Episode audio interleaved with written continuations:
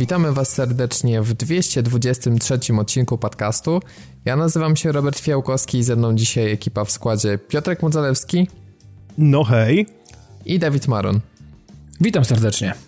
Na wstępie chcieliśmy Wam powiedzieć i ogłosić, przypomnieć, jeżeli nas aż tak dokładnie nie śledzicie, że zgodnie z zapowiedziami 8 stycznia wystartował trzeci już, trzeci sezon Gościa Niedzielnego. Na razie zostaliśmy przy nazwie 2.0, ale jest to trzeci sezon, więc ta trójka się pojawia i to co mówiliśmy, czyli nowe grafiki, lepszy montaż, nowy program, jeszcze się uczymy, więc, e, więc wiadomo, że początki są ciężkie. Ja mogę powiedzieć, że spędziłem całą praktycznie niedzielę walcząc i tam przeklinając wielokrotnie małą intuicyjność programu, który dopiero poznaję, ale najważniejsze, że odcinek się pojawił. E, no i też trzeba powiedzieć, że nie tylko, nie tylko ja miałem bóle, no ale również i Piotrek i to dosłownie, bo, bo z kolei walczył z bólem zatok, tak i gardła. Zresztą nie było cię ostatnio, mówiliśmy, życzyliśmy ci powrotu do zdrowia, ale niestety tak, tak, ja taki wiem, szybki mi, to on mi, jeszcze nie był. No wy mi życzyliście powrotu do zdrowia, ja słyszałem, że Dawid też tu jakieś plotki rozwijał, że ja z gołą dupą latam, więc wypraszam sobie. Wiesz, no, no nie wiedzieliśmy co powiedzieć, no. Znaczy Dawid Tylko to po nam sprawdzić, czy słuchasz podcastu, więc to się chwali. Pięknie. Dokładnie. Cudownie po Ale no prostu. widzę, nie, że no, słuchasz, czyli następnym razem nie będę wymyślał dziwnych rzeczy. pięknie, pięknie, pięknie. Nie, no niestety tak wyszło i dalej zresztą się borykam z tym, że z nosa leci coś, co bardziej przypomina szlam niż normalną wydzielinę, ale spoko, jestem, żyję, wycieczki do aptek i tak dalej, także... Także pozdrawiamy wszystkie osoby, które myślały, że bezentuzjastyczny głos jest e, elementem nowości wprowadzonych w trzecim sezonie gościa. Taki trend teraz. To nie ten program, nie, nie, to, to gdzie indziej takie atrakcje. Dobrze, to nie będę wnikać gdzie, ale fakt jest taki, że jeżeli chcecie obejrzeć, to, to zapraszamy na YouTube lub też e, standardowo na, na bloga, gdzie te odcinki się pojawiają. Kolejny standardowo za tydzień, więc tak jak mówię, jeszcze będzie lepiej i, i dziękujemy Wam też za wsparcie na Patronite, dlatego że mogliśmy po prostu zrobić to na tym programie i też zakupić potrzebne materiały właśnie dzięki Waszemu wsparciu, więc wszyscy na tym korzystają, więc o, o, to, o to chyba w tym wszystkim chodzi i rozwijamy się tak, jak miało być, więc też no, naszą jakby obietnicę, którą przy starcie kampanii zrealizowaliśmy i próg szybko został osiągnięty, no to jakby to się udało zrobić, a teraz będzie jeszcze tylko lepiej, więc więc, więc No wiesz, no im wcześniej, im wcześniej zaczęliśmy, tym, tym wcześniej będą efekty, nie? No dokładnie. E, natomiast e, Blizzard od samego początku wspiera Overwatcha i efekty tego są już od, od dość dawna. Mm, Myślę, że od premiery można tak śmiało powiedzieć. A to dlatego, że po evencie świątecznym, który chyba nie wiązał się z nowymi mapami, ale z taką rearanżacją, trochę zmianą motywu na śniegowy. Tym razem mamy już taki typowo nowy content i muszę powiedzieć, bo widziałem ten zwiastun, dlatego że wrzucałem go na koniec e, gościa niedzielnego. No to wygląda to naprawdę bardzo estetycznie i tak powiedziałbym, że to jedna z ładniejszych map w Overwatchu. Taka, Tak. przynajmniej jedna z lepszych, naprawdę Mhm. wysoko zawiesili poprzeczkę. Moim zdaniem właśnie w Oazie, która jest tą nowością, która jest już dostępna lub lada chwila będzie.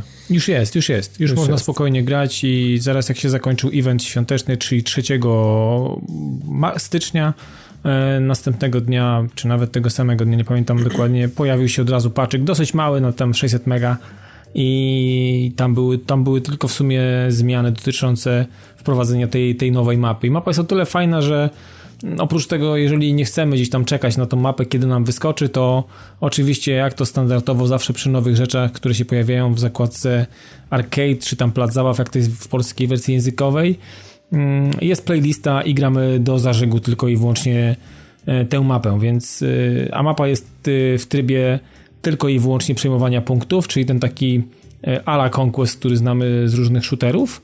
Nie ma tam e, ciągnięcia wózka, więc e, jeżeli ktoś szuka, nie lubi, nie lubi mm, tych punktów, no to, no to sorry, to może mapa, mapa mu się w jakiś sposób nie spodobać. Chociaż uważam, że ten, ten Conquest i przejmowanie tych punktów naprzemiennie z wózkami to jest yy, bardzo fajnie zrobione i, i, i ża- żaden z tych trybów, yy, że tak powiem, się nie nudzi. Mm, Mapa ma standardowo trzy punkty, Mm, w ogóle mapa jest piękna, bo to jest gdzieś w jakiejś Arabii. W ogóle to wszystko jest ociekające takim złotem, kwiatami, jakieś ogrody, gdzieś jakieś autostrada, jakieś samochody co chwilę jeżdżą. Trzeba uważać, żeby też w nie nie wpaść. No, czasami niektórzy tam chodzą, żeby zobaczyć, co tam się dzieje, no i giną pod kołami tych, y, tych dziwnych y, samochodów z przyszłości teoretycznie. Mapa jest przede wszystkim bardzo otwarta wertykalnie. Można, mi się bardzo dobrze na przykład farą, farą na niej lata, bo ona jest po prostu bardzo wysoko, dużo przestrzeni jest góra-dół, ale polecam sobie sprawdzić materiał, a przede wszystkim zagrać, no bo chyba nic innego lepiej nie, nie opiszę tej mapy niż po prostu wejście, spróbowanie tego, czy obejrzenie kilku materiałów, jak, jak ktoś gra. Po prostu no naprawdę fantastyczna mapa i zgadzam się z tym, co powiedział Robert. Na tle wszystkich map, które są w Overwatchu, ta na pewno jest, y, jest wyjątkowa i, i zapada dość y, intensywnie w pamięć. Także warto, warto, warto sobie sprawdzić. Mapka naprawdę fajna. Ale chcesz mi powiedzieć, że ktoś w Blizzardzie dopuścił do powstania tak kuriozalnej sytuacji, że giniesz pod samochodem? Wiesz co, no założę się, założę się że znając społeczność mm, Overwatcha, która jest dość specyficzna. Pamiętamy wielki, wielki dym o wystające pośladki Tracer, czy jakieś inne tam dziwne rzeczy. No właśnie to... chciałem powiedzieć, że, że tutaj wiesz, poprawność polityczna, że jak to samochód się nie zatrzyma, teraz no właśnie, będzie, że tak. wiesz, jakiś, jakiś krypto, kryptoreklama ISIS, wszystko, Bliski Wschód, to nie będą przejeżdżali. też, że pośladki Tracer to był element społeczności Overwatcha, bo zazwyczaj w takich przypadkach jest y, tak, że to ktoś spoza. Jakieś koła, jakieś koła, nie? Takie się tam gdzieś wynajdują, jakieś takie albo dziwne organizacje. Domyślam się, że tu może być tak samo, że nie wiem, ta ulica, która leci obok mapy, tak naprawdę nie, ma, nie, ma, nie musimy tam iść w ogóle. To jest jakby element wystroju tej, tej, tej całej mapy i generalnie punkt jest zupełnie w drugą stronę, więc ci, ci, którzy tam chodzą nad tą autostradę i wpadają pod samochody, no to kurwa są samobójcami po prostu. Idą tam, robią to świadomie chyba. Tam pasów nie ma, tam się nie da przejść. I Możesz żadnych się sygnaliz... jak w Warszawie po prostu. Żadnej sygnalizacji świetnej nie ma. To jest po prostu, wiecie, normalny taki dziwny highway powyginany i jak tam wejdziesz, no to no koniec, no to tracisz Mam nadzieję, życie że niebawem więc... będzie odczyt y, PM10 na tej mapie i będzie można zobaczyć, czy przypadkiem nie ma smogu od tej nadmiaru samochodów na mapie. No I to byłoby dobre. To I nagle więc... masz taki dynamiczny event, że ci się pojawia, wiesz, że, że wiesz, wydaje ci się, że to mgła nachodzi, a to smog od tych samochodów po prostu. Zresztą Naciśnij uwa... krzyżyk, żeby założyć, żeby założyć maskę. Zresztą myślę, że Blizzard zrobi coś z tą mapą, bo ona nie do końca jest dopracowana i jest taki dość niefajny bug, który jest związany z postacią Zari, czyli tej, e, tego, te, tego rosyjskiego shemala w, w, grze. E, i można dosyć szybko naładować jej ulta i mam nadzieję, że to też w jakimś patchu zostanie wyeliminowane, więc no w każdym razie, jak chcecie poglądać samochody, to wydaje mi się, że lepiej to wygląda gdzie indziej niż akurat w Overwatchu, grając konkretnego rankeda, gdzie e, każda sekunda na punkcie jest na wagę złota i i przybliża nas tylko i wyłącznie do tego, żeby zebrać odpowiednie punkty i, i móc zakupić, żeby móc zakupić te złote bronie, więc olejcie samochody i walczcie na punkcie, bo to jest jakby w tej, na tej mapie jest to najistotniejsze w tym momencie. Więc. Dawid, ja ci obiecuję, że i tak znajdzie się ktoś, kto będzie chciał, żeby jego nazwisko było w internecie i będzie jakaś kampania. Jestem święcie przekonany I, o tym. A ja, a ja się z tą absolutnie zgodzę i na pewno, na pewno znajdzie się ktoś, kto będzie chciał to w jakiś dziwny sposób wykorzystać, który nam jeszcze nawet do łba nie przychodzi, więc jest to bardzo, bardzo, bardzo możliwe. No. E, bardzo jest też możliwe, że wiele osób zagrywa się w Diablo 3 w tym momencie i odkurzyło swoje kopie spółki, które już myślę, że wiele miesięcy mogły być zakurzone, albo przynajmniej tygodni. E, no jedną z takich osób, które wróciły do Diablo 3 jest Dawid, a to za sprawą tego, że ponownie Blizzard e, swoje obietnice dotrzymał, jeżeli chodzi o terminy i pojawiła się e, łatka, tak można powiedzieć, patch. No, no taka dosyć czy, duża, no, no, prawie tak, 3 giga. No, chociaż no tak naprawdę jest to, można powiedzieć, takie małe DLC, mały event. No ciężko jest to jednoznacznie sprecyzować, ale e, najważniejsze jest to, że z okazji dwudziestolecia serii Diablo pojawiły się poziomy z jedynki w zupełnie takiej nowej, ale starej oprawie, to znaczy mamy pikselozę, mamy 8 kierunków ruchu, mamy też klasyczny interfejs, co mi się mega spodobało, to Ale on jest tylko na PC, na konsolach tego klasycznego interfejsu nie ma. Tak? O, to jest szkoda, Tak. kurczę, bo Trochę widziałem szkoda i też, to bo to dodaje nie mega pasuje. klimatu. Tak, tak, tak. Akurat na konsolach to się bardzo mocno wyżyna ten standardowy interfejs, który jest w lewym, lewym dolnym rogu, jeżeli gramy jedną Ja postacią. widziałem na tym zwiastunie mówię, no zajebiście, bo ja lubię takie smaczki, a tu no trochę Tak, no niestety, ten tym. interfejs jest tylko i wyłącznie w wersjach PC-owych, więc na konsolowych go nie uświadczymy. Trochę też szkoda, żałuję, no ale nie można mieć wszystkiego, no. To, co mi się mega podoba, to przede wszystkim to, że oni bossów y, stworzyli faktycznie no, od nowa w takim starym stylu, czyli to, to nie są jakieś takie wykorzystane asety z trójki, bo sami mówili Nie, nie, na tym przynajmniej tak to nie zwiastunie, wygląda. że, że, że nie pasowałoby to do klimatu, więc właśnie po, postarali się o takie mm, bardziej dwuwymiarowe, takie z mniejszą, takie na dzisiejszy standard wyglądające jak gify boss, bossowie, nie? No trochę tak, powiem ci, że co- co- co Butcher, na którego klimatu? trafiamy zaraz praktycznie na trzecim poziomie tego, tego kilkunastopoziomowego labiryntu, e, no wygląda dosyć fajnie i tak samo boss ostatni i ci, ci pozostali, których gdzieś tam co chwilę, na, na których się natrafia, no fajnie to zostało odwzorowane, no.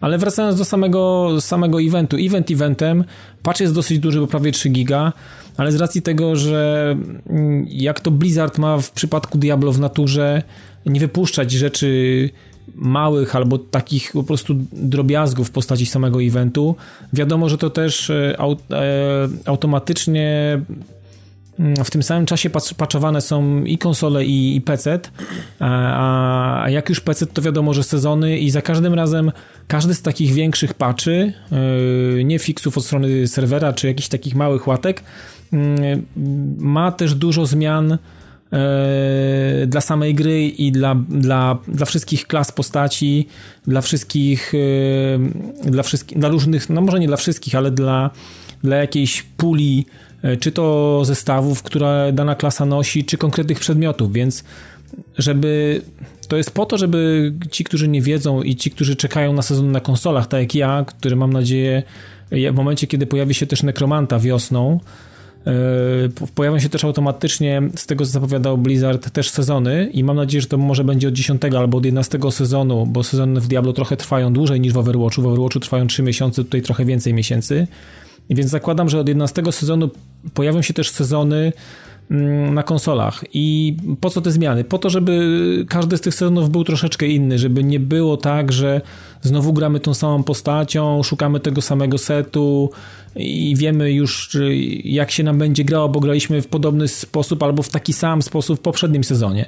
Więc y, te wszystkie zmiany właśnie mają na, na celu to, aby mm, aby jakiś, w jakiś sposób urozmaicić to i pójść może inną klasą, inną ścieżką, w inny zestaw w tym konkretnym sezonie i zobaczyć, czy to się opłacało, więc e, bo to za każdym razem trzeba, mm, że tak powiem, przeżyć na własnej skórze. A co do eventu e, samego eventu Diablo, to bardzo Ograłeś fajnie, że go. Blizzard... Tak, ograłem go, skończyłem już wszystko, co mam do skończenia, został mi tylko jeden z potworów, e, tych, tych które spełnują się w tym labiryncie, E, i został mi tylko jeden, żeby zrobić te wszystkie wyzwania, które tam są. W, P- u, PC, w, to są achievementy, bo oni nie, na, na PC nie ma tych achievementów i trofeów, które mamy na konsolach, tylko dla nich dla nich te wyzwania, które są jeszcze poza achievementami i trofeami w grze, są dla nich achievementami, więc oni mają tylko i wyłącznie to. Mamy oprócz, tra, oprócz trofeów i achievementów jeszcze te wyzwania, więc Ale nowe To- trofea nie doszły, prawda? Tylko wyzwania. nie, nowe trofea związane. nie doszły, tylko wyzwania się pojawiły. Wyzwania konkretne, z, konkretnie związane tylko i wyłącznie z eventem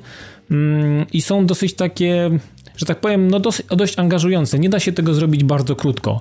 E, Sam i sam, sam korytarz, żeby przejść i zabić mm, mrocznego władcę, może nam pójść dosyć szybko, bo to jest, nie chcę mówić dokładnie ile, żeby nikomu nie zepsuć zabawy, jest to, jest to kilkanaście poziomów, więc to nam może polecieć e, w miarę szybko, natomiast e, chcąc zrobić wszystkie wyzwania i przede wszystkim rozwiązać zagadkę mm, w Tristram, w tym starym Tristram, gdzie leży Wirt i pozostali jak ktoś pamięta z jedynki, pozostałe, pozostałe postaci z, z tej części e, i oprócz tego mm, możliwość zdobycia dwóch petów, które są, czyli mm, świętego takiego cielaka i małego butchera powoduje, że sam event y, może kręcić się w okolicach nawet 15 godzin. Jeżeli mamy szczęście, to może trochę mniej.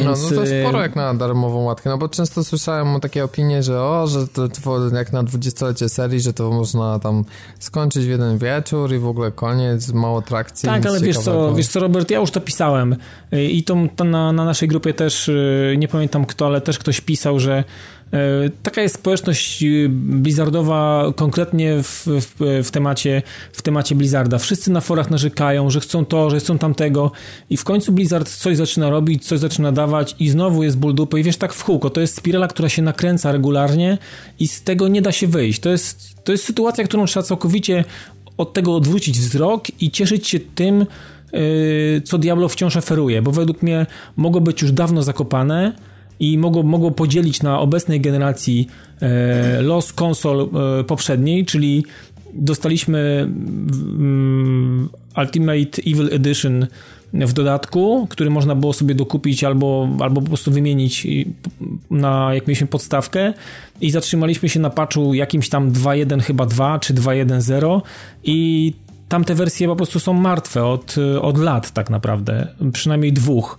E, I, i, I tam nie ma co robić. Natomiast tutaj e, wyrównał się ten poziom e, w pewnym sensie oczywiście, bo gry, gra pecetowa od konsolowej ciutkę się różni, ma swoje jakby, można powiedzieć, pececiarze powiedzą pewnie, że jest gorzej, my powiemy, że jest lepiej, mamy Nemesisa, możemy robić fikołki i takie tam różne rzeczy i mamy koopa czteroosobowego lokalnego, więc no coś, my mamy coś, czegoś nie mamy, no wiadomo, nie mamy sezonów, ale oni mają, ale my mamy koopa, oni nie mają, no tak jest trochę tu, trochę tam, więc yy, yy, wydaje mi się, że to, że Blizzard y, w ogóle pokusił się o wydanie wersji konsolowej, to już jest coś. A to, że zrównał praktycznie e, co do zawartości i aktualizowania tej gry e, na równi z PC-tami, to to jest coś, co się po prostu konsolową, konsolowcom nigdy nie śniło i, i mamy ogromne szczęście według mnie, że możemy cieszyć się po, podobną zawartością, prawie że taką samą e, jak gracze, gracze, gracze PC, PC, PC-towi.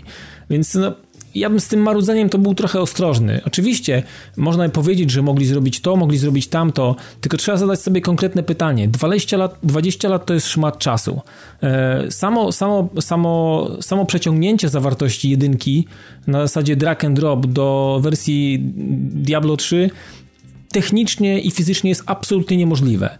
E, samo to, że musieli zrobić... De facto, nie? No tak, właśnie. to po prostu trzeba by stworzyć grę e, tak naprawdę traktując jedynkę PC-ową jako szablon albo jako stempel do tego, żeby mieć coś, e, na czym można się w jakiś sposób wzorować.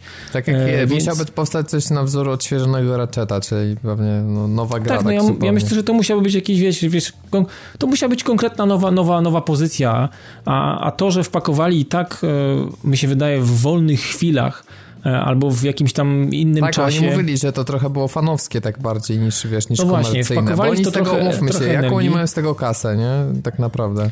No to, nie, no żadną. Utrzymują, utrzymują osób... grę tak naprawdę przy no. życiu i, i, i, przygotowali, musieli przygotować każdą, z każdą, z każdą, z każdą z klas. Musieli przygotować, bo wiesz, to wygląda w ten sposób, że na naszą grę, na nasze Diablo 3 została nałożona jakby paczka filtrów.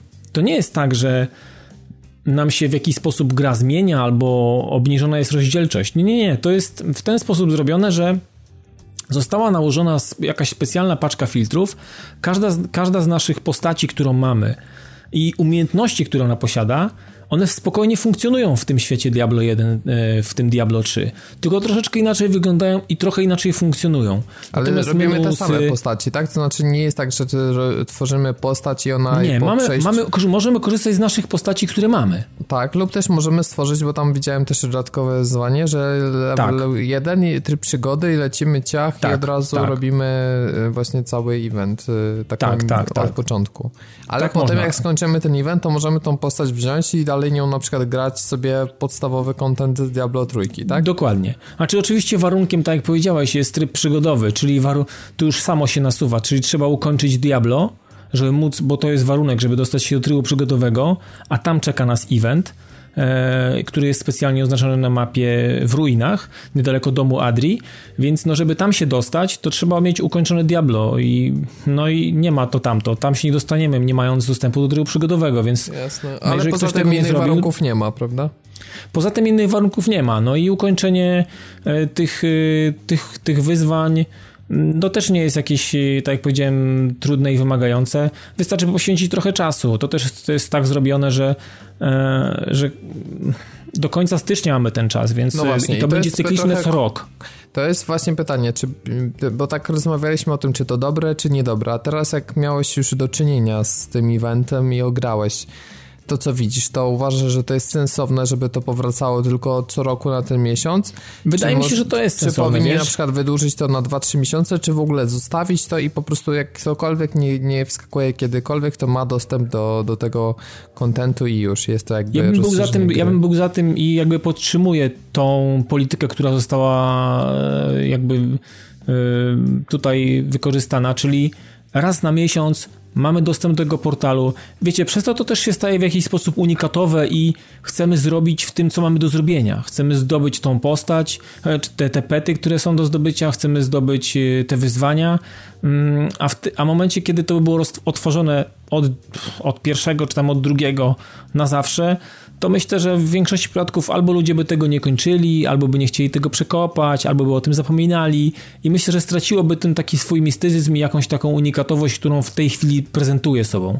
I przez to, że tak jest, a ja nie miałem świadomości tego, czy uda mi się wszystko zrobić w miarę szybko, więc zabrałem się za to od razu, biorąc do tego konkretną łopatę i konkretne, konkretny kilof, E, I okazało się, że faktycznie zabrało mi to kilkanaście godzin i w tej chwili mam do, do znalezienia tylko jeszcze jedną postać, żeby mieć y, wyczyszczone wszystko i dostać wszystkie nagrody, czyli dostajemy specjalny portret, dostajemy jakieś do do naszego mm, sztandaru jakieś takie wzory, które są za ukończenie i za zrobienie konkretnych wyzwań, plus te dwa pety, które, z którymi potem możemy biegać cały rok wszędzie. Czy to będą szczeliny ze znajomymi, czy będziemy sobie robić tryb przygodowy, czy cokolwiek innego.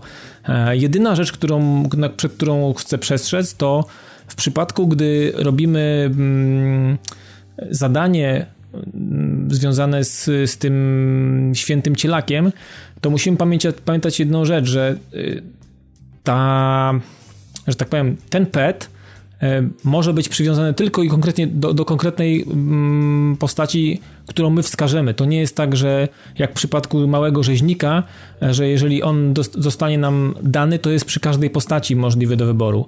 Przy cielaku jest inaczej. Wybieramy sobie postać, która będzie mogła z niego korzystać, i żadna inna nie będzie mogła tego zrobić. Będzie trzeba, było zrobi- będzie, trzeba, będzie, będzie trzeba zrobić jeszcze raz to zadanie, żeby zdobyć kolejnego cielaka dla kolejnej postaci. Więc jeżeli mamy tych postaci, nie wiem, 6, 7, 8, to musimy zadanie, wyzwanie zrobić tyle razy, ile mamy postaci, żeby mieć u każdej tego no, cielaka. Trochę grinderskie, akurat za trochę, trochę grinderskie, ale całe szczęście, całe szczęście to nie jest jakieś takie trudne zadanie do zrobienia i można je zrobić dosyć szybko, więc jeżeli ktoś bardzo chce, E, to może coś takiego sobie zrobić. Natomiast e, żeby było, te pety są po prostu czysto kosmetyczne, one specjalnie, po, oprócz tego, że podnoszą złoto, które leci z potworów, e, tak naprawdę nie robią nic, ale powiem wam, że fajnie przemierza się krainę grozy z cielakiem u boku, więc to jest takie, wiecie...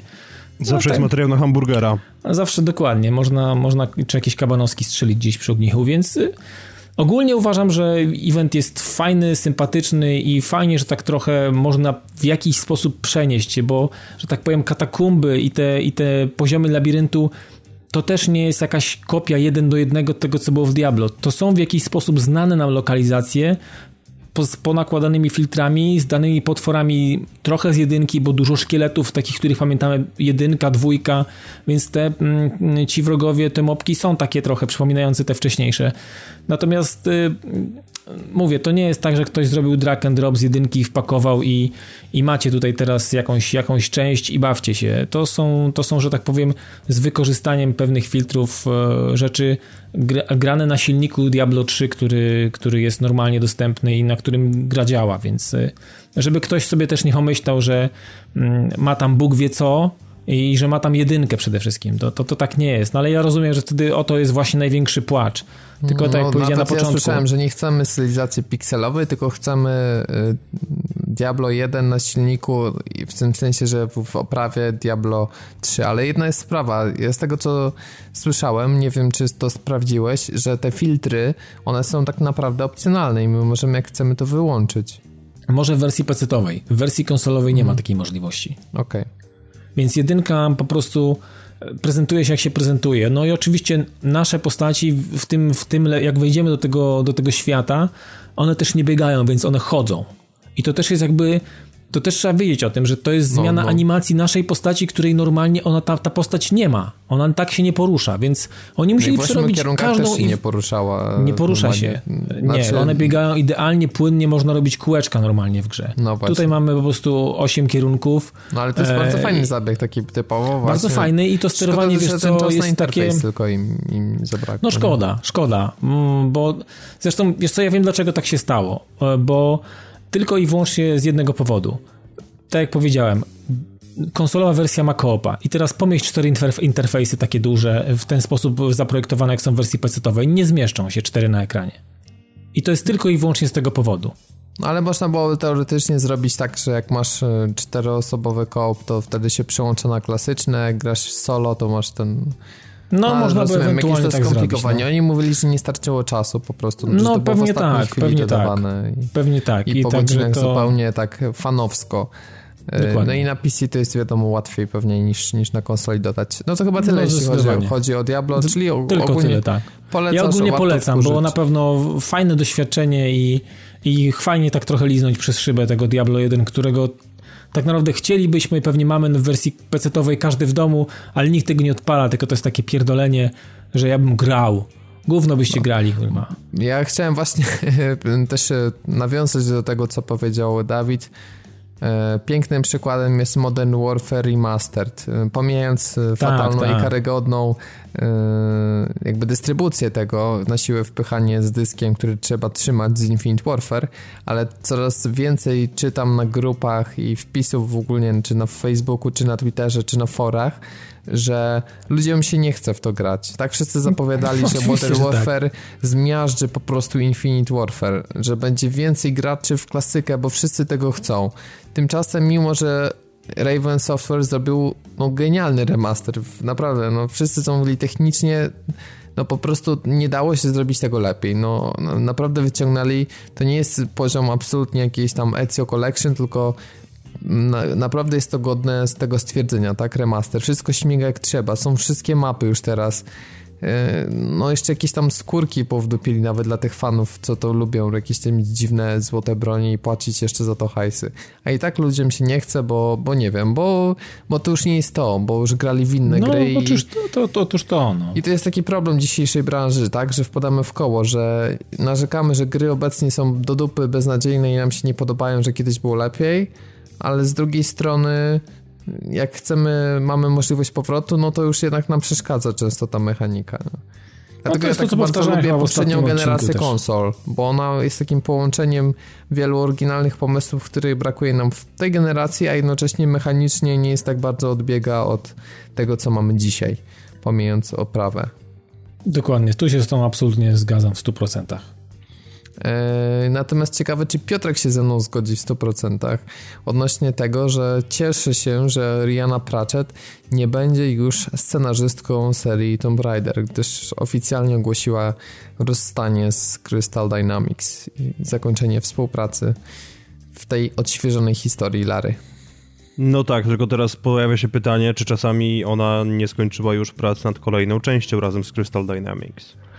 No, to jest mm, otwarte pytanie, ale wydaje mi się, że jednak e, patrząc na też moment, kiedy Amy Hennig odpuszczała e, szeregi Naughty Dog, to musi to współgrać jednak z samym tworzeniem gry. To nie jest tak, że tworzy się skrypt i on nie ulega już zmianie i się twórcy ściśle tego trzymają, jednak scenarzysta musi być obecny przy, przy, przy tym etapie produkcji. Może została zajechana tak jak Emi Heming, bo Emi Heming to płakała przecież, że została zarżnięta jak prosiak prawie, co, że za, zajeździli ją na, na, na amen podobno. Znaczy, pewnie to też tak się nie, nie zgodzi, mm, znaczy zgodzi albo nie zgodzi Piotrek, ale to też nie jest tak, że wszystkie gry, które wyszły spod jej pióra ci się nie podobają, bo na przykład z tego co wiem, to jesteś fanem Heavenly Sword od Ninja Theory.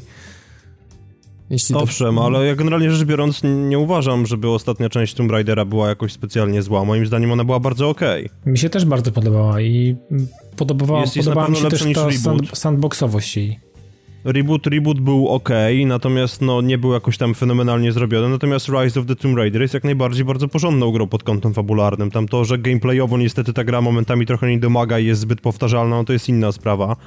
No ale to jest chyba taka przypadłość sandboxów, które obecnie wychodzą, natomiast no pod kątem fabularnym było naprawdę bardzo, bardzo dobrze. Ale mi się wydaje, że oni nie do końca mm, są w stanie znaczy mi się, mi ten dysonans taki, tak, związany z cały czas tym reboocie się na tym oparli, że ojejku, zastrzeliła mielonka, za chwilę wyżynam hordę przeciwników i już się otrząsnęła mi w ogóle. Piję tutaj akurat do do tego Tomb Raidera z 2013 roku. Mm -hmm, co, co jednak trochę przeszkadzało i znaczy ja osobiście uważam, że jednak podejście do Lary przydałoby się odświeżone. Ja nie do końca jestem, teraz nie mówię tutaj o jakby, bo chciałem oddzielić trochę samą fabułę tych gier od tego, w jaki sposób została nakreślona Lara, Lara w tym reboocie i kto wie, może to nie jest właśnie wina scenarzystki, która chciała ukazać to w bardziej ludzkim świetle i to jakby samo w sobie myślę, że super wyszło, tak, żeby pokazać postać z charakterem, ale no niestety w ostatecznym rozrachunku to, to, to bardzo szybko się uważam rozmyło i, i był potencjał na to, żeby, żeby jakieś rozterki moralne albo pójść rzeczywiście w taki bardziej sposób, nie wiem, bardziej pójść za ciosem i bardziej to akcentować, nie tylko przez drobny fragment rebootu, e, no albo jednak darować sobie i zrobić to trochę z, jednak z większym humorem ala Uncharted. Nie wiem, jak wy na to patrzycie, ale mi osobiście nie, chyba, chyba mi nie pasowało. nie służy.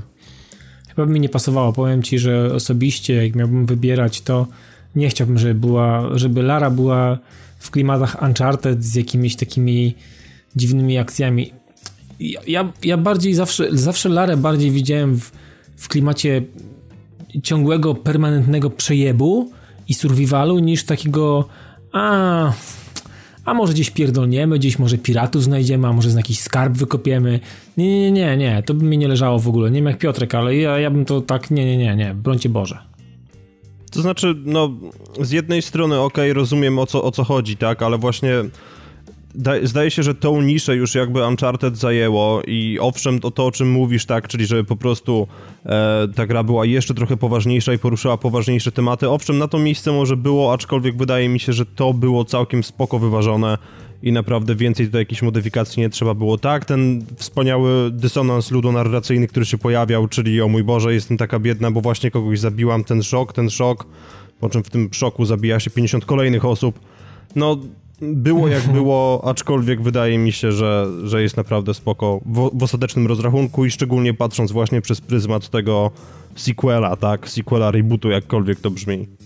No akurat ona też e, brała udział przy Mirror's Edge'u, gdzie jednak fabuła była lepsza zdecydowanie niż, e, niż to, co widzieliśmy w, w ostatnim tym też znowu reboocie, więc to akurat e, to był minus, że się ponownie nie zajmowała i że to nie była historia jakoś powiązana z pierwszą częścią, bo to akurat gra sobie nie poradziła. No zobaczymy, ja też spojrzałem na jej portfolio projektów i póki co żaden jakiś taki wielki tytuł to się yy, nie zapowiada, bo w tej chwili, znaczy ostatnim był też oprócz e, Rise of the Tomb Raider Overlord, to ona zawsze brała udział mocno przy, przy pisaniu tych Overlordów. No i jeszcze być może wyjdzie jakaś tam gra właśnie z tej serii. Tak naprawdę póki co nie wiemy. Czekamy też na, no zdaje się, nie wiem czy wyszło już Viking Battle of Asgard. To widzę, że to jest jako oznaczone jeszcze. No w każdym razie... Na mnie... No. Tak, no tak, tak, to wyszło. A to w ogóle gra z 2008 roku, więc do tego nie kojarzyłem. Nie? Tak no, było ja jestem tak samo zorientowany jak ty. I pewnie z peceta, tak? Nie, nie, nie. Była też na PlayStation 3, Xbox 360. Asgard, nie kojarzę. Coś mi gdzieś ten Asgard gdzieś mi tam gdzieś świeci, ale... No to na też tam brała To w ogóle Creative Assembly, żeby było śmieszniej robiło. No, proszę. Ci o Total War'a i Aliena. Mhm, mhm. No.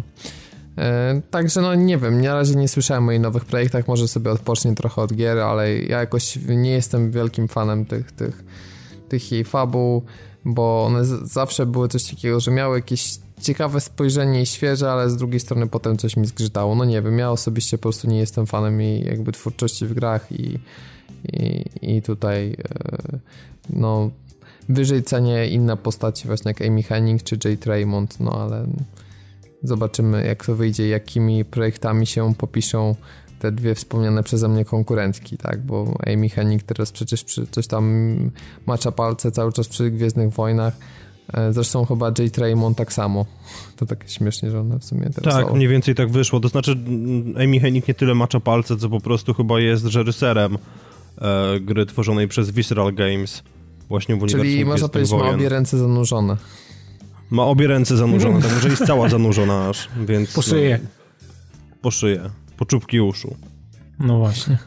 Natomiast po czubki uszu zanurzył się e, Piotrek ostatnio w Elite Dangerous, a to dlatego, że wchłonęła go pewna historia, która się rozprzestrzeniła w internecie z mocą prędkości po prostu jakiejś nadświetlnej, a to dlatego, że pojawili się kosmici w tym uniwersum.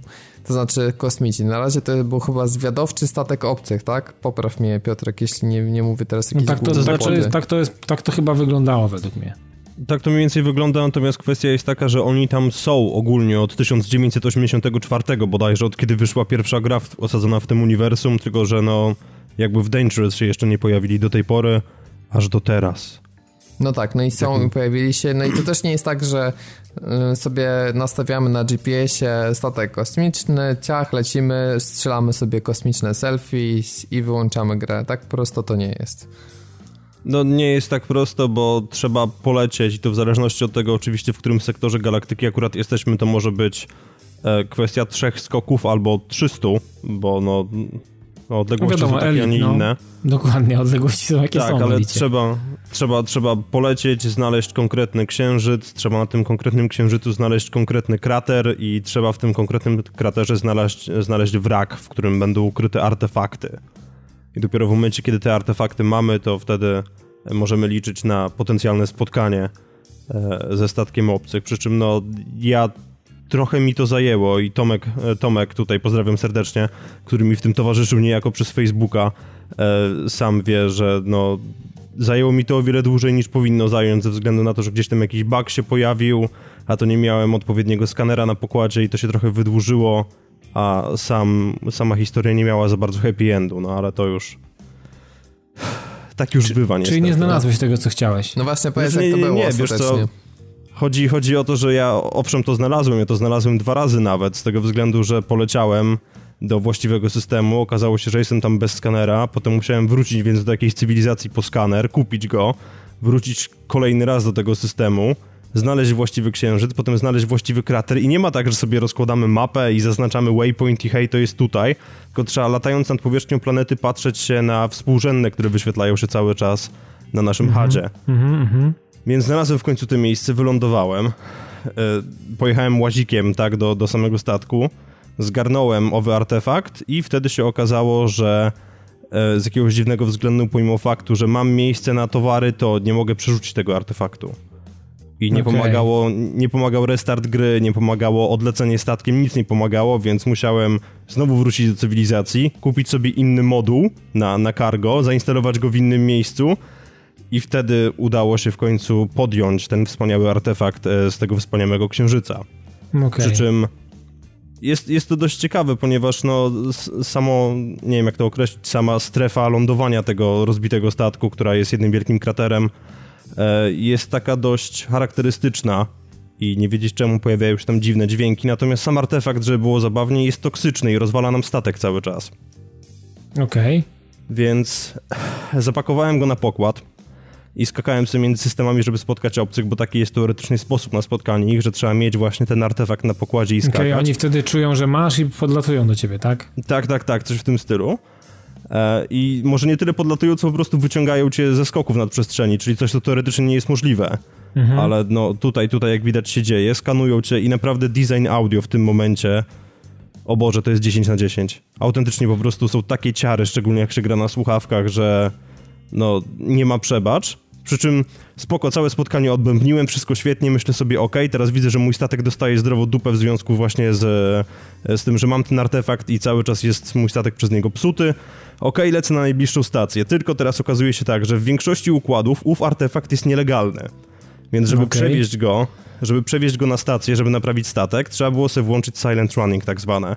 Coś, co wyłącza nam wszelkie osłony, e, powoduje, że statek bardziej się grzeje i tak dalej, ale no sprawia, że jakby jesteśmy mniej podatni na przeskanowanie przez władze lokalne i w związku z tym jest większe prawdopodobieństwo, że uciekniemy po prostu z tym towarem i uda nam się zrobić to, co chcieliśmy, czyli naprawić statek. Więc poprosiłem o zgodę na dokowanie, włączyłem sobie Silent Running, wleciałem na stację i w tym momencie toksyczność tego artefaktu sprawiła, że doszło do awarii e, mojego, mojej, mojej grodzi na, na towar. Towar się wysypał, wykryli, że jest to nielegalne, zniszczyli mnie, zniszczyli mój statek. Generalnie rzecz biorąc, zamiast na tym zarobić, dostałem w dupę pół miliona e, w związku z tym, że musiałem zapłacić, od, zapłacić ubezpieczenie za statek. Także no... A to jest tak, że ten artefakt ostatecznie masz opylić, tak? I możesz na tym zarobić, tak? Tak, tak, tak artefakt możesz, tak, tak, tak, artefakt możesz opylić i możesz na tym naprawdę sporo zarobić, bo tam jeden jest warto, ile się nie mylę, 300 tysięcy, co no Najtańszy statek w grze kosztuje chyba 8, czyli no możecie sobie wyobrazić, że to jest taki O panie, to można mieć fajny. na kilka. No. no. A to aż tak właśnie... drogo kosztuje ubezpieczenie statku, że statek kosztuje 8, a ubezpieczenie 500? Bo znaczy nie, nie, to akurat wiesz, to mówię, najtańszy statek kosztuje 8, tak? Mój tam kosztuje jakieś, nie wiem, 5 milionów chyba, więc no to...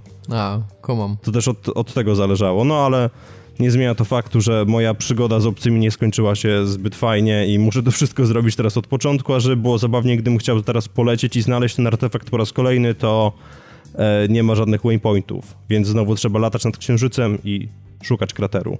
A to jest tak, okay. że on jest takiej prawdziwej wielkości ten księżyc? Taki, wiesz, w sensie... No tak, tak, tak, oni, oni się nie pierdzielą z tym. Nie, tam okay. mają dużo miejsca, tam mają przestrzenie. No rozumiem, to nie jest tak, że to jest, wiesz, że, że automatycznie w danym miejscu za każdym razem jak podatujesz do księżyc, na księżyc czy w orbitę, to jesteś w tym samym miejscu i łatwo ci to znaleźć, nie? Nie, wiesz co, bo wszystko to, to, gdzie wylądujesz w dużej mierze zależy od tego, od której strony podlecisz, w jakim ślizgu jesteś, jak, jak podejdziesz, więc no tam, tam po prostu lecisz po stopniach szerokości i długości geograficznej z dokładnością do czterech miejsc po przecinku, także znalezienie tego nie jest najprostsze na świecie.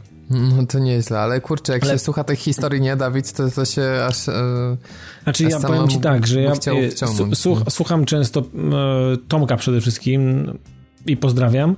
Słucham też Piotrka, czasami zdarza się. I oczywiście jestem w posiadaniu tej najbardziej dopasionej wersji Elite Dangerous, więc ja myślę, że przyjdzie taki moment, gdzie e, wezmę jednego i drugiego, wpakuję do party i polatamy sobie we trzech i mi chłopaki szybko mi zrobią kurs taki turbo, przeszkolą mnie ze wszystkiego. Nie, i... tak się nie da. Kurwa, da się. A czemu tak się nie da? najpierw musisz nauczyć latać, tak po prostu sam usiąść i nauczyć się obsługiwać ten statek, bo no to, to, to, nie jest najprostsze Je, na świecie. Zrobiłem jeden tutorial na razie. To jest na no takiej to, zasadzie, to dobra, dobra, bo nam no. ten statek za pięć baniek i będę bulił. Nie, generalnie jestem w posiadaniu wszystkiego, co wyszło w tej chwili na Xboxie One.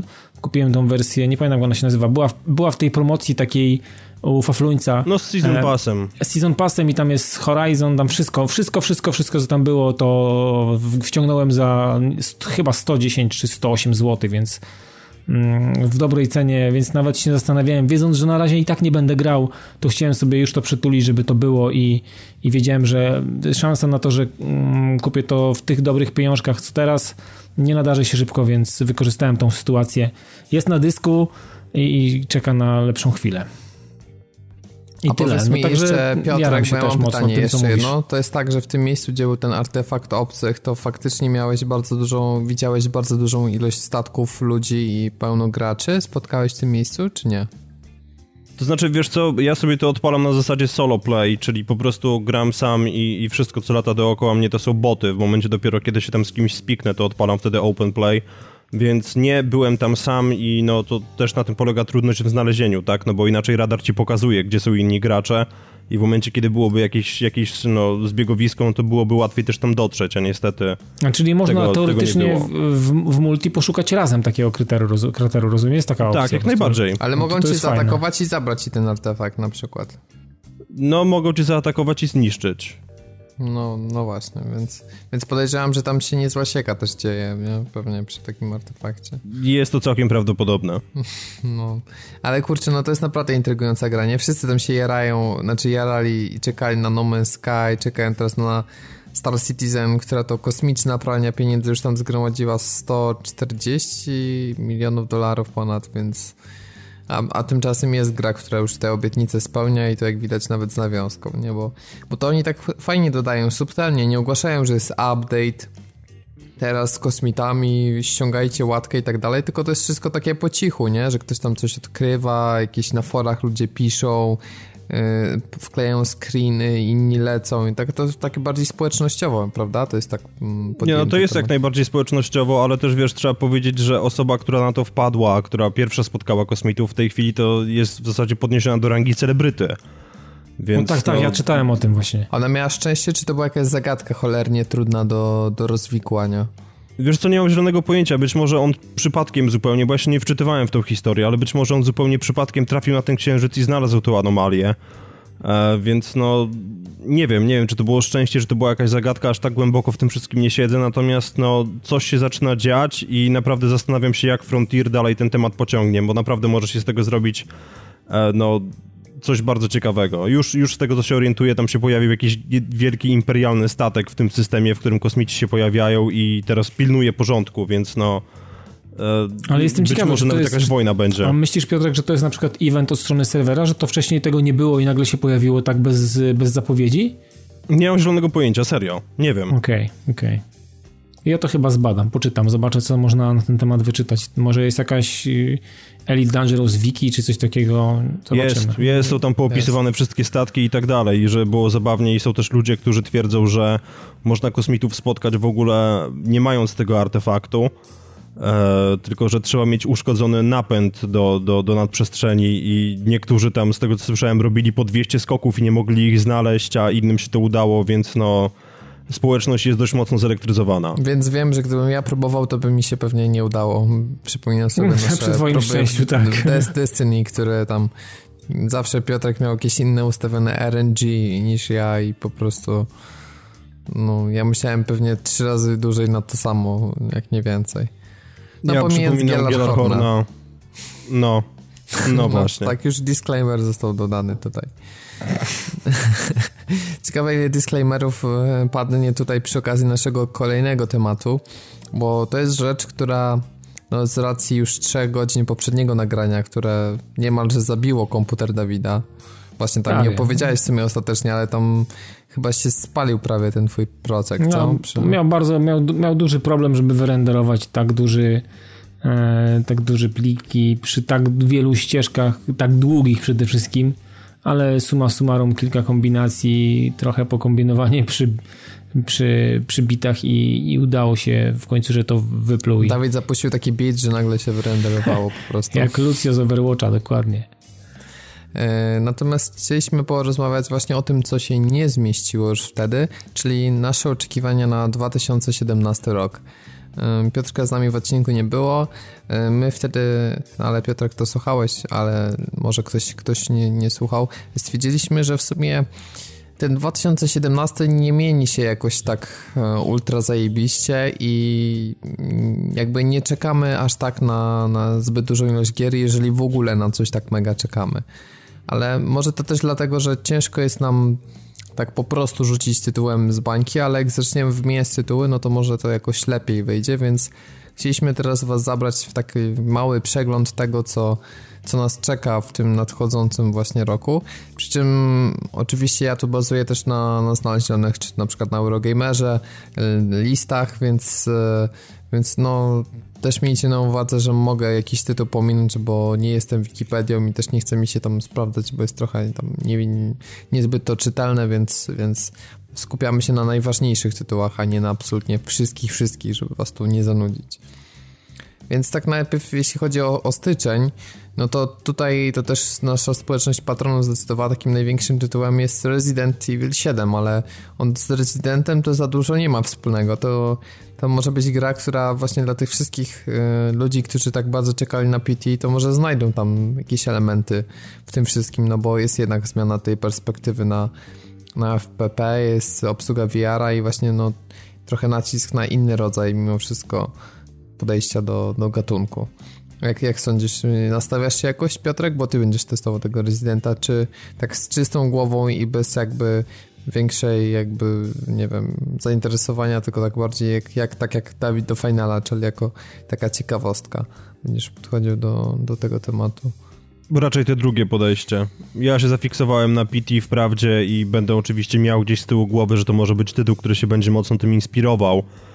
O ile można się inspirować demem, którego przejście może zająć od 15 minut do 5 godzin, no ale tak czy inaczej myślę, że podejdę do tego raczej ze świeżą głową i tak, tak no, z dużą dozą ciekawości, bo ostatni horror, który ogrywałem, to było o Jezu, nawet nie pamiętam co i kiedy. Chyba, chyba, chyba w Amnizie, który już próbowałem grać. A w Outlasta nie grałeś? Temu.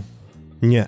Okej. Okay. Ja też ostatecznie nie. A tobie się podobał, Dawid? Bo już nie pamiętam. Out, Outlast y, jedynka w jakimś, w jakimś momencie y, straciła u mnie jakieś takie, znaczy straciłem ją, jej zainteresowanie tym tytułem, natomiast jak ogrywałem demko Outlasta drugiego, no to zostałem zaintrygowany i myślę, że jak wyjdzie, to bardziej, znaczy na pewno bardziej myślę o dwójce niż o jedynce, o powrocie w ogóle do jedynki. Jedynka jest y, niby poprawna, niby taka, ale jakaś taka generyczna i bez jakiegoś takiego, nie wiem, no dzieje się ciągle to samo, ciągle taka, będzie takie, takie trochę bezsensowne, ciągłe zaszczucie i spierdalanie przed czymś, to, to w pewnym czasie przestaje nawet być straszne, po prostu tylko męczące, więc w Outlaście jest... Outlast, wydaje mi się, że dwójka, w dwójce będzie to, co ma być tak naprawdę. Takie jest moje wrażenie. No, no miejmy nadzieję. E, natomiast e, ja wiem, że fani gier japońskich to mogą na początek roku zacierać ręce i tu pozdrawiamy Jacka, no bo to chyba już mówiliśmy ostatnio, ale najbliższe tytuły japońskie to Gravity Rush 2 na PS4, Dragon Quest 8 na 3DS-a, e, będzie Yakuza Zero mm, wreszcie trafi do Europy, PlayStation 4, Tales of Berseria. Ty chyba w jakieś Talesy grałeś, Dawid, z tego co pamiętam. Tak, ja dużo Talesów różnych grałem. Bo ty I w Xilię na pewno grałeś, nie? Xilię na pewno i, i, i jakieś symfonie, jakieś takie, no tam trochę Będziesz tych coś grał w tą Berserię? Kiedyś tam, powiedzmy, tak w ogóle masz na Myślę, radarze, czy, my, czy trochę już masz... Znaczy ja w, tej, ja, w, ja w 2017 czekam na jednego Japońca tylko i wyłącznie, który to jest dla mnie numero uno i to jest Nino Kuni 2 a czy będą pozostałe, nie wiem. To kwestia tego, czy mnie czymś zainteresują w sobie, więc yy, musiałbym rzucić okiem, zobaczyć, jak wyglądają mechaniki, jak wygląda walka przede wszystkim i, i tyle, bo o historię to tam raczej może być trudno, bo historii będę szukał i oczekiwał w Ninokuni, y, bo w jedynce była wyborna i była świetnie skrojona i od samego początku fantastyczna i chwytająca za serce i piękna. Natomiast yy, co do tego tytułu, to na razie, nie, że tak powiem, nie jest jakby na, na jakby horyzoncie moich zainteresowań. Więc na razie dla mnie główny Japoniec to Nino Kuni 2 w tym roku. Dawid, to może Scalebound? Chyba, Goulbound chyba chciałeś powiedzieć. Ale Scalebound a propos ma jakieś problemy w produkcji i ta gra... Całe szczęście, całe szczęście dla niego. tak, no. E, są gry japońskie, które lubimy, więc nie zarzucajcie nam, że jeżeli nie lubimy Platinum, to nie lubimy japońskich gier, ale po prostu no, to jest dla mnie studio numer jeden, jeżeli chodzi o tego, co, co nie lubię. Jeżeli jak, jakieś studio właśnie robi gry, które absolutnie nie trafiają w mój gust, to właśnie jest to... Nie, daj spokój, to jest w ogóle jakaś galeria paździerzu, no taka najlepsza, najwyż, najwyższej tak, klasy. to jest bo... najlepszy sort. Nawet nie drugi, tylko ten pierwszy. A ponieważ nie chcę się y, też wypowiadać na temat gier, o których tak dużo nie czytałem, ale y, z punktu widzenia rozwiązania technicznego mnie ciekawią, czyli Nioch wyjdzie 9 lutego, tylko nie mówcie, że to japoński Wiedźmin, bo Jacek przyjdzie i was y, zbanuje z grupy. e, tak, Bad TV też może, bo tam u nas jest moderatorem, także uważajcie. W każdym razie gra będzie miała do wyboru na PS4 opcję na przykład 720p lub 60 klatek lub Full HD 30, no i tam też masa trybów na Pro, więc każdy będzie mógł sobie coś tam wybrać, więc bardzo taka skalowalna. Ciekawe jak to wypali. Natomiast e, bardzo jestem ciekaw, czy los Steepa, jeżeli chodzi o takie nieobchodzenie przez graczy gry od Ubisoftu, podzieli los For Honor, który wychodzi 14 lutego, tak na walentynki. Ja osobiście nie jestem totalnie przekonany tym konceptem mieszania uniwersum rycerzy średniowiecznych z samurajami. No to, to wszystko jest jakieś takie mm, nie wiem, no po, po, poplątanie z pogmatwaniem po prostu. Panowie, sorry, że wam przerwę, ale czytam właśnie na GameSpotie, że Scalebound został po prostu oficjalnie skancelowany, więc zapomnijmy o tym tytule. Co? Tak jest informacja na GameSpocie w tej chwili. Breaking news, dokładnie. Po prostu został e, skancelowany całkowicie. Wow. Więc... No nie, dlaczego? Przecież to był taki Fajne słuchawki były, cudowny... ja dla tych, dla tych słuchawek bym kupił. Znaczy, no myślę, że akcje firmy Apple teraz muszą, które jest właścicielem Beatsów, musiały mocno zaaplikować, bo, bo przecież to no. miał być produkt, który reklamuje te słuchawki. Jest informacja krótka i Tak, i ale wszedłem na... W jednym wszedłem, Okej, okay, ale wszedłem na tego i nie widzę. Może jakiś Twitter, chociaż nie, jest faktycznie, widzę. Scalebound no, ja oficjalnie... też widzę, no, na VG247 tak. jest to samo.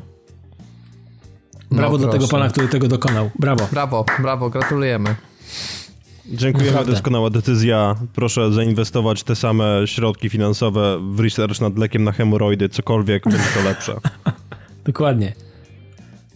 Możesz kontynuować. Ja właśnie, właśnie jak tego, jak przeczytacie post na grupie, czy pamiętacie, że czytaliście, to w tym momencie, kiedy słuchacie te słowa, to go wrzucałem. Mniej eksów, ale jakby lepiej. To jest takie moje podsumowanie. Wow, to jest po prostu tak. jak podróż złota, w czasie, Robert. Złota maksyma. No ale no, kontynuuj, ale... ten 2017, tak. Już mamy jeden tytuł Walentynki, mniej. 14 mhm. luty For Honor. Myślicie, że ta gra właśnie będzie nikogo nie obchodzić znowu, czy z racji tego, że że tam jest mocny nacisk na multi, to jednak y, będzie takim drugim Rainbow Sixem, czyli na początku będzie dużo pytań, wątpliwości, a potem będzie zyskiwać z każdym miesiącem jakieś tam swoje grono fanów. Myślę, że będzie miała tak samo grono fanów jak i Wolf. No, każda gra ma jakiś grono fanów. No Kwestia dobrze, tego, no, czy to chyba się na nawet przełoży. Tak? Kozy ma swoje grono fanów. Nie? No i to nie małe, panie, nie małe, nie małe. Ja dzisiaj w ogóle czytałem też takie, e, taki, taki ranking w ogóle cyfr, cyfrowej sprzedaży w USA i w Europie. I Rocket League e, w wersji cyfrowej sprzedało się prawie w 10 bańkach, więc wiesz, no kwestia, trzeba robić dobre gry, no. A For Honor, nie wiem, śmiem twierdzić, że będzie miało grupę fanów, jakąś pewnie zagorzałych nawet fanów i fanów wszystkich tych, którzy kochają Urlicha i 1410 mają w portfelu, no to pewnie znajdą się tacy. Natomiast y, uważam, że to nie będzie jakiś przełom, to nie będzie jakiś hit, y, który, nie wiem, zwali nas z nóg, no. Ale chciałbym się mylić. Chciałbym się mylić, chciałbym, chciałbym się zawsze mylić i być zawsze mile rozczarowany, że jest inaczej niż myślałem. A wtedy co bym tutaj robił, co, po co bym nagrywał. Więc no, nie wiem, no stawiam, stawiam, że nie wiem, no może nie podzieli losu i Wolf, ale... Nie, ale, no... ale się śmieję z czegoś innego, bo chciałem znowu zrobić przerywnik i wybaczcie tutaj te początkowane, ale znowu Scalebound. Chciałem bardzo pozdrowić e, Krzysztofa Mazura od naszej grupy, który zacytował z pewnego portalu, tytuły nagłówków dotyczące gry Scalebound i pozwólcie, że wymienię kilka. Scalebound ma ogromną szansę stania się grą wszechczasów. Scalebound pokaże moc, która drzemie w Xboxie One. Scalebound mesjaszem japońskiego oddziału Xboxa. Scalebound jest darem dla Xboxa One. Scalebound jest połączeniem najlepszej gry akcji z najlepszym RPG akcji. Czułem, że będzie tak jak będzie i powiem wam, że nawet jest lepiej niż myślałem. No, tak ja chcę poznać autorów e, tych, tych nagłówków, bo jeżeli ktoś tak bardzo się myli, to... Dokładnie. No, ostatnio, ja, ja wiem to, nawet, kto się ostatnio mylił tak samo. To, to całe był, szczęście, bo nie nagrywa Piotrek, wiesz? No tak, tak, ale wiesz co, generalnie rzecz biorąc, pamiętam, kiedy ktoś się ostatnio mylił tak bardzo, jak oni wszyscy.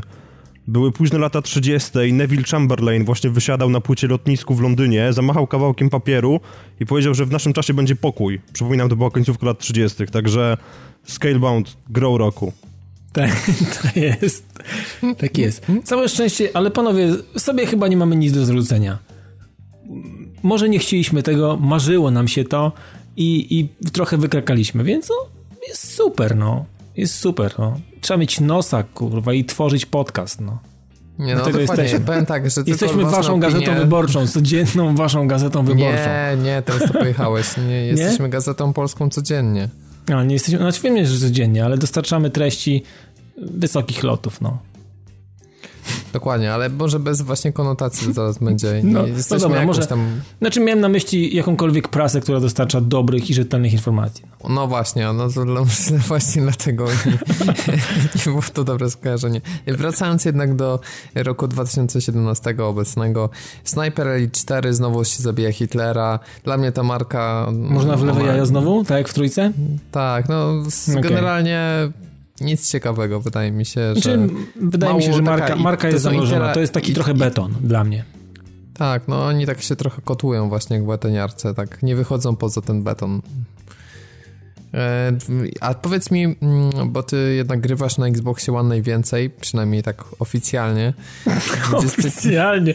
Co to znaczy? Ja nie bardzo wiem o co chodzi. Co to znaczy oficjalnie? Znaczy, że co, że No bo tak ostatnio zakładam czapę konia i gram na PS4? Kurwa, co No, jest no, no bo masz 50 gier na PS4, a masz je od miesiąca, no to może dlatego, więc ja nie No, wiem. wiesz, nie, no To są tylko gram, plotki i znaczy, na pewno gram, na pewno gram na, PS, na PS4 mniej niż mój syn, ale gram, no, Darkest Dungeon, Salt of, Salt, of Sanctuary to są gry, które mi się tam naprawdę bardzo mi mocno siedzą i mm, i tyle, no, ale nie gram No. specjalnie w duże tytuły, oprócz no Ale Final będziesz jeszcze, grał tak? w Halo Wars 2 na Xboxie One, bo to jest sens, sens jakby mojego pytania Tak, cały. to jest to 21 bardzo chętnie. lutego wychodzi. Bardzo chętnie i jeżeli będzie mi dane, to będzie grane.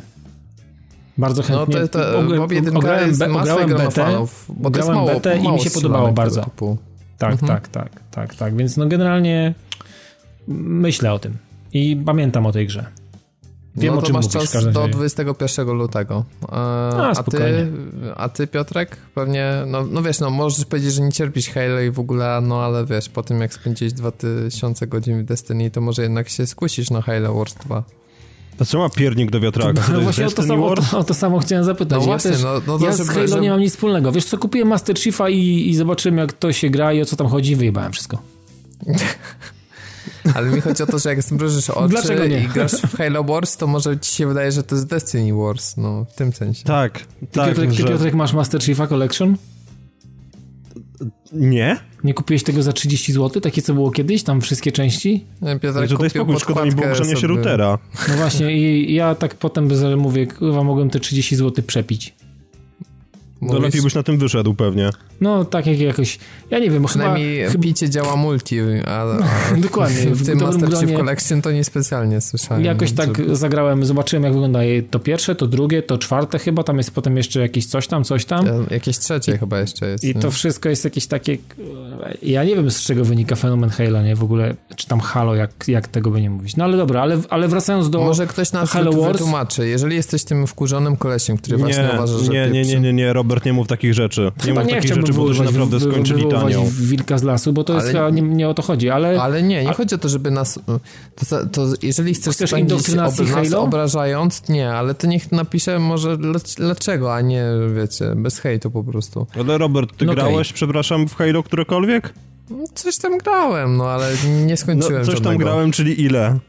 Czyli Ja tak grałem średnio WG pół ja godziny grałem- na część. Ja grałem na WGW w piątkę, 15 minut w, w press roomie. No, grałem, No ja- grałem ja- w Halo ja w 5 sumie- multi tro, trochę, ale to O, ja mówię też. też. nie u siebie. No i to takie nie porwało mnie specjalnie. Ja przechodziłem trójkę i przechodziłem jeszcze Halo Reach razem ze znajomym na jego konsoli, ale generalnie rzecz biorąc, no nie, po prostu nie. No i high five. Sprawdziłem No. na, własnej na własnej skórze, nie podoba mi się to, kropka JPG, dziękuję. Nie jestem zainteresowany Halo Wars tym bardziej, bo to strategia, za którymi średnio przepadam, osadzona w świecie Halo, za którym w ogóle nie przepadam, więc no... Ale ja, tego- ja tego nie, nie, nie... Wiesz co, jak ja patrzę na tę grę i pograłem w betę, to ja nie myślałem o tej grze jako o Halo. Po prostu dla mnie to jest zestaw gra słów, tak? I ja nie, ja nie A, mam tak jak- koneksji do takie- niczego. Czyli to jak Scrabble, tak? Po prostu. No po Gra prostu słów. jest to, jest to gra strategiczna dla mnie. No, ja patrzę na to, co ona sobą prezentuje, a nie to, z czego się wywodzi, albo jakie ma nawiązania do czegoś. Ja w dupie mam te nawiązania do Halo. Ja nie znam tych nawiązań, nie znam ludzi, nie wiem kim jest Master Chief, czy tam Chef, czy Szef. Ja Cokolwiek. słyszałem, że on wygrał ostatnią edycję jakiegoś tam show kulinarnego, Oddawaj fartucha, tak? Nie wiem, czy to to, bo tam mi się mylą, ale tak, był No chyba jakiś więc, tam e, master. więc e, jeżeli, jeżeli mogę sobie tak zrobić, że Halo to jest ten od, oddawaj fartucha, to spoko. Ja zastanawiam się, znaczy tak, zastanawiam się nad tym po prostu, czy ta gra naprawdę będzie super, no, a po becie e, zapowiada się, że ma na to, ma na, jest szansa na to, że to będzie naprawdę bardzo fajna strategia, no i a z racji tego, że jestem głodny strategii, bo ich na konsoli nie ma, mam ich kilka i wszystkie są fajne, no to wierzę w to, że tutaj też jest szansa na dobrą zabawę. Natomiast jest też taka kategoria, słuchajcie, gier, które są fajne i wierzę, że będą fajne, ale nie wiem, czy będzie mi się chciało w nie grać. I mam taki świetny przykład, e, coś co pasuje pod tę definicję, mianowicie wychodzący 28 lutego Torment Tides of Numenera. Chodzi mi o to, że teraz e, Obsidian natrzepał tych znaczy nie, nie wiem, czy to też Obsidian robi, wybaczcie tutaj moją nierzetelność, ale ostatnio ten, ten trend kickstarterowych, e, to Brian Fargo na pewno robi, e, trend tych kickstarterowych mm, gier, które odświeżają klasyczny tryb izometryczny RPGów i walkę turową, no jest tego sporo, tak? Divinity chyba było jedno z mocniejszych przykładów, niedawno było Tyranny, właśnie od Obsidianu, e, mm, przecież mieliśmy jeszcze Wastelanda, który tak nie, ty grałeś i pamiętam, że ci się nie do końca spodobał. No nie, bo był zrobiony od pierdol. No właśnie, tu wygląda na to, że, że tego poziom odpierdolu jest znacznie mniejszy, a większy do szlifowania, ale no nie wiem, czy mi się będzie chciało po prostu. Chociaż mm, na pewno ta polska wersja językowa jest takim najjaśniejszym punktem, tak? Bo jak słyszę, że Piotr Franceski będzie narratorem, no to to akurat jest rzecz, która mnie mocno jakby zachęca i, i ale równie dobrze mogę sobie posłuchać tego na YouTubie i też będę zadowolony. A do tego soundtrack na Spotify'u. nie wiem, czy mi się będzie chciało w to grać. To są po prostu masz. Nie no, no super. Nie no, po, po, po, prostu będę grał w grę, a w międzyczasie włączę 10 minut Tormenta, posłucham, ale to fajne, świetne i w ogóle dobra, nie chce mi się. I, i w co może zagram? Może 1 marca w Horizon Zero Dawn, który będzie takim no drugim ważnym eksem powiedzmy po Jakuzie, chociaż jeszcze Nioh też chyba jest eksem, no to i tej seria też jest konsolowym eksem. Nier też jest eksem. No, no więc trochę spo, sporo jest tych, tych eksów w tym roku, no ale Horizon to taki eks nie japoński pierwszy w, w, w, tym kolejnym roku. No i zobaczymy jak to wyjdzie, no pokazują, pokazali sporo ciekawych materiałów, ale czy to będzie hit czy, czy zawód to jeszcze, jeszcze za wcześnie, ale wydaje mi się, że oni przemyśleli jak nie zrobić nudnego sandboxa zastranego znacznikami. No wprawdzie są tam ruchome wieże, ale no ale wydaje mi się, że to jednak nie będzie taki typowy styl ala Assassin's Creed Unity, gdzie po prostu umrzemy od tych wszystkich ilości aktywności, które są jednym i tym samym po prostu wcieleniem nudy. Jak ty sądzisz, ty będziesz grał w Horizona i czekasz, Piotrek, czy tak sceptycznie trochę? Ja jestem, ja jestem trochę rozerwany i w sumie nie wiem, czy będę. Znaczy, bardzo bym chciał zagrać, ale mi bardzo mocno przy okazji nie leży główna bohaterka, a dla mnie to może być deal breaker, bo to mogą być drugie martwe oczy, no. Okej, okay, ale tutaj chodzi o rude włosy, o długość tych włosów, o ilość, i że ma zbyt kręcone te włosy, czy że ubiera się w futra i kojarzy ci się z jakąś, nie wiem, rosyjską żoną celebryty, czy co? nie, ona, ona po prostu dla mnie wygląda trochę jak Ygritte z gry, o z gry o Trona, ja jej bardzo nie lubiłem jakoś. No, rozumiem. I, I no, no przepraszam tak za, za, za, moje myśli w ogóle, ale no nie podoba mi się ona po prostu jako postać. Po ja prostu wiem, grasz że oni... tylko w gry z postaciami żeńskimi, z którymi byś potencjalnie poszedł do łóżka i dziękuję dobranoc. Ja tego nie, nie powiedziałem. Ty chciałbym ja bardzo mocno zaznaczyć, że, że proszę nie wkładać mi takich słów w moje usta, bo ja ich nie powiedziałem, aczkolwiek e, nakierowując, może rzeczywiście coś w tym być, no ona ma trochę taką twarz, żeby do niej pasowało imię Helga i nie leży mi. Ona, jest, ona właśnie ma być takim, wiesz, odseksualizowaniem damskich postaci, ale... No to doskonale im wyszło w takim razie. Ona czasami nie biega z gołym brzuchem?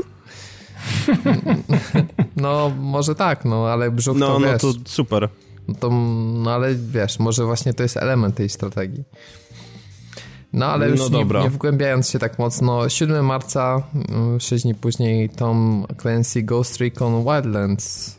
Coś na co nie czekam Gdzieś po, po drodze... tym, co zostało. Będzie beta, jak zagramy to, no to wtedy powiemy, bo ma być ta beta chyba jakoś jeszcze w styczniu, czy na przełomie stycznia lutego, więc... Nie, to ja wróżyłem, wróżyłem, że będzie pod koniec stycznia, ale zobaczymy jeszcze, czy mam no, rację, ale dobrze, no wróżyłeś, no i trzeba tutaj odważne sądy, nie, bo, bo się sprawdzi i będziemy mogli się mądrzyć, a jak nie, to się sprawę wyciszy po prostu. To jest bardzo dobra taktyka, podoba mi się. No, dokładnie, więc pamiętajcie, jak, jak słyszycie o naszym sukcesie, no to właśnie dlatego, że zaryzykowaliśmy z naszymi sądami. E, będzie Star Trek na VR. Mówiliśmy, że nie czekamy na żadną grę VR. Będzie właśnie gra, gdzie jesteś na tym, na mostku statku ze Star Treka.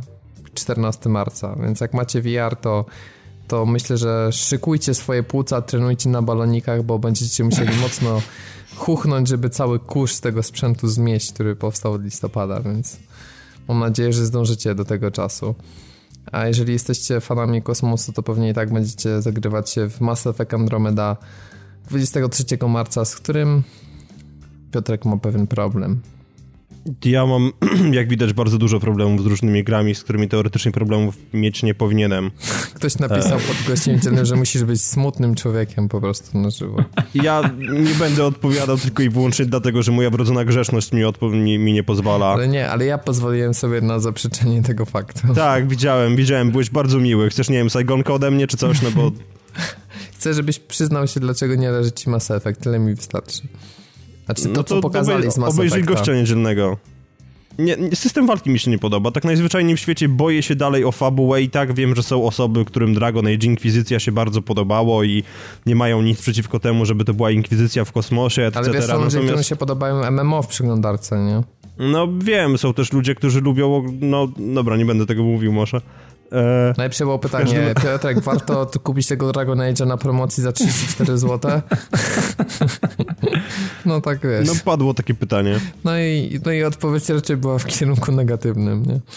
Tak, delikatnie no. rzecz biorąc. Mam, mam tą grę na dwóch platformach w sumie i nie jestem w stanie Dobra, nie, okej, okay, nie, nie, nie, nie, bo to naprawdę ta dyskusja, ta dyskusja będzie szła w bardzo złym kierunku. E, dla mnie dość duży problem stanowią e, kreatory postaci, które BioWare sobie ostatnio wymyśla, czy właśnie wymyśliło przy okazji ostatniego Dragon Age'a i w momencie, kiedy... Mhm. To, to, jest, to, jest, to jest bardzo zaawansowana filozofia, tak? Wybór kobiecej postaci w grze wideo polega w głównej mierze na tym, że będę musiał się na nią patrzeć od tyłu przez najbliższe x godzin. Dlatego mhm. też wybieram postać kobiecą, żeby patrzeć się na coś, co jest przyjemniejsze no, dla oka. stosuję taki często... Oczywiście. No, Jej twarz natomiast... Jest to główne kryterium, tak? Tak, ale jej twarz stanowi w takim razie element, który jest prawie równie ważny i mówię tutaj o grach wideo, a niekoniecznie o prawdziwym życiu, ale jest prawie równie, równie ważny, ponieważ będę się na ów element patrzył na wszystkich cutscenkach. I w momencie, kiedy wytworzę sobie taką postać, jaką bym chciał, w tym kreatorze pieprzonym, a potem odpalam pierwszą cutscenkę i widzę, że w oświetleniu na silniku gry, nie w kreatorze, a już na właściwym silniku, postać wygląda tak, jakby ktoś jej po prostu strzelał kartoflami w twarz, no to sorry, ale coś jest nie tak. I podchodziłem do Dragon Age'a chyba 7 czy 8 razy, i w sumie nie zaszedłem, znaczy no, w sumie wtopiłem tam chyba 16 godzin, w których już postać stwierdziłem, że okej, okay, przełknę, ale ogólnie nie, nie, jest, nie jest zbyt fajnie. Okej, okay, czyli I... wtopiłem 16 godzin, ale i tak bym z nią nie poszedł do łóżka na tej zasadzie. Tak, to, to już wiesz, to już jest, to, to, już, to już było poświęcenie. E, w każdym razie, no, o Mass Effecta się boję głównie o warstwę fabularną i, i właśnie o walkę, no bo jakby widzieliśmy do tej pory dwa gameplaye, które opierają się o walkę. Na żadnym dalej nie ma systemu osłon i to jest dla mnie takie, nie wiem, no nie chcę do nikogo urazić, ale to jest dla mnie takie mobowe podejście do tego systemu walki. O, no bo ten, to jest ten, właśnie, ten nowy... to jest świetne określenie, bo, bo brakowało mi jakiegoś takiego sposobu charakteryzacji, ale masz rację. To mi bardziej pasuje do wersji TPP Overwatcha, może też, który nie tak. jest mobą, ale, ale wiesz o co chodzi, nie? Taki styl. No bo po prostu nie ma tam jakiegokolwiek systemu osłon. Ja wiem, że to może w oczach niektórych po prostu być takie, mm, że, że oni robią teraz innowacje, tak? No bo na poprzedniej generacji mieliśmy całą masę gier, które opierały się o system osłon. E, były, były Gearsy, tak? Był Mass Effect 2 i 3 i jakby, no teraz trzeba zrobić coś świeżego. Ale to jest taka innowacja na siłę i ja nie bardzo wyobrażam sobie sytuację, w której dochodzi do, do, do tego, że jestem jakimś tam podróżnikiem, tak, który eksploruje nieznaną galaktykę i widząc oponenta, który wiem, że jest groźny, to ja mu się wpierdzielam na ryj i, i, i nadgarstkiem smyram po twarzy, bo mam tam miotacz ognia. No, gdzie jest, gdzie jest właśnie ta możliwość ukrycia się, jakiegoś taktycznego zaplanowania gameplayu, no bo no, chyba o to też w tym wszystkim do cholery chociaż trochę chodzi. Ponadto sam fakt, że klasy postaci zostały skasowane, no to dla mnie to jest wymówka, żeby tą grę uczynić prostszą niż mogłaby być w rzeczywistości. No bo do tej pory było tak, że wybieraliśmy sobie jakąś klasę, która miała określone drzewo umiejętności musieliśmy ją rozwijać i dostosowywać się do sytuacji, która, e, która akurat panuje na naszym ekranie, żeby przeżyć, żeby wygrać i tak dalej. A tutaj po prostu jest tak, że wchodzimy do menu, zmieniamy sobie nagle preset klasy zupełnie na coś innego i nagle zamiast chować się ze snajperką po krzakach, możemy właśnie wybiec i komuś smyrać nadgarstkiem po ryju. No sorry, ale to, to, coś tutaj jest chyba nie do końca okej. Okay. Ja wiem, że BioWare ma jakiś problem z komunikacją, bo na NeoGafie po prostu wątek aż kipi i insiderzy twierdzą, że ta gra jest po prostu genialna, ale my tego nie widzimy. Nie widzimy tego, że ta, żeby ta gra była genialna. Póki co nam pokazują po prostu jakieś gówno warte skrawki, na których nie ma za bardzo no, nic interesującego i jakby cała idea, tak, no ja, ja się nie mogę do końca pogodzić z faktem, że oni jednak przy trójce udupili to uniwersum. No bo Mass Effect bez Mass Relayów to jest dla mnie taki trochę no, nonsens. Poza tym w momencie, kiedy wiemy, że oni mają technologię z pogranicza drugiej i, tr i trzeciej części trylogii Sheparda i nagle są w tym kosmosie mają jakieś po prostu karabinki, które brzmią tak jakby były i to jest obelga wyjęte z Halo, no to coś tu jest nie do końca okej. Okay. Mhm. No cóż, no zobaczymy. Ja też jeśli chodzi o warstwę fabularną, przypomnę, że widzieliśmy wspaniały element też kascenki. Drop the weapon, you first. I to jeszcze tak, potem zostało, ten... to był najbardziej suchy mhm. fragment z mega słabą ekspresją mimiczną postaci, z mega słabym i suchym dialogiem, który następnie trafił do pięknego gifa na głównego Twittera Mass Effecta, nie ja wiem, nie rozumiem, co tam się w ogóle tym. stało, bo to jest, to jest po prostu trochę tak, jakby oni pobierali jakieś lekcje z ukazywania emocji od Dawida Karze. I to, to, to by im bardzo nie wyszło, bo ta, ta postać wygląda fajnie, tak? Ona ma odpowiednio dużo wielokątów, które się składają na jej mordę i tak dalej, ale jak ona mi mówi you first i to po prostu wygląda mniej więcej tak, jakby przepuszczała kogoś w kolejce w sklepie po bułki, no to sorry. Nie, dla mnie to by pasowało do jakiegoś japońskiego RPGa, gdzie, nie wiem, sterujemy postaciami, które siedzą w jakiejś klasie w szkole, no to... Nie, stary, to, to mi się wydaje, że w momencie, kiedy to byłaby szkolna klasa, to i tak byłby krzyk i jakieś 3,5 tysiąca sylab, które są niepotrzebne, ale... No, mniejsza o to. Mniejsza o to. 4 kwietnia y, wychodzi Sniper Ghost Warrior 3.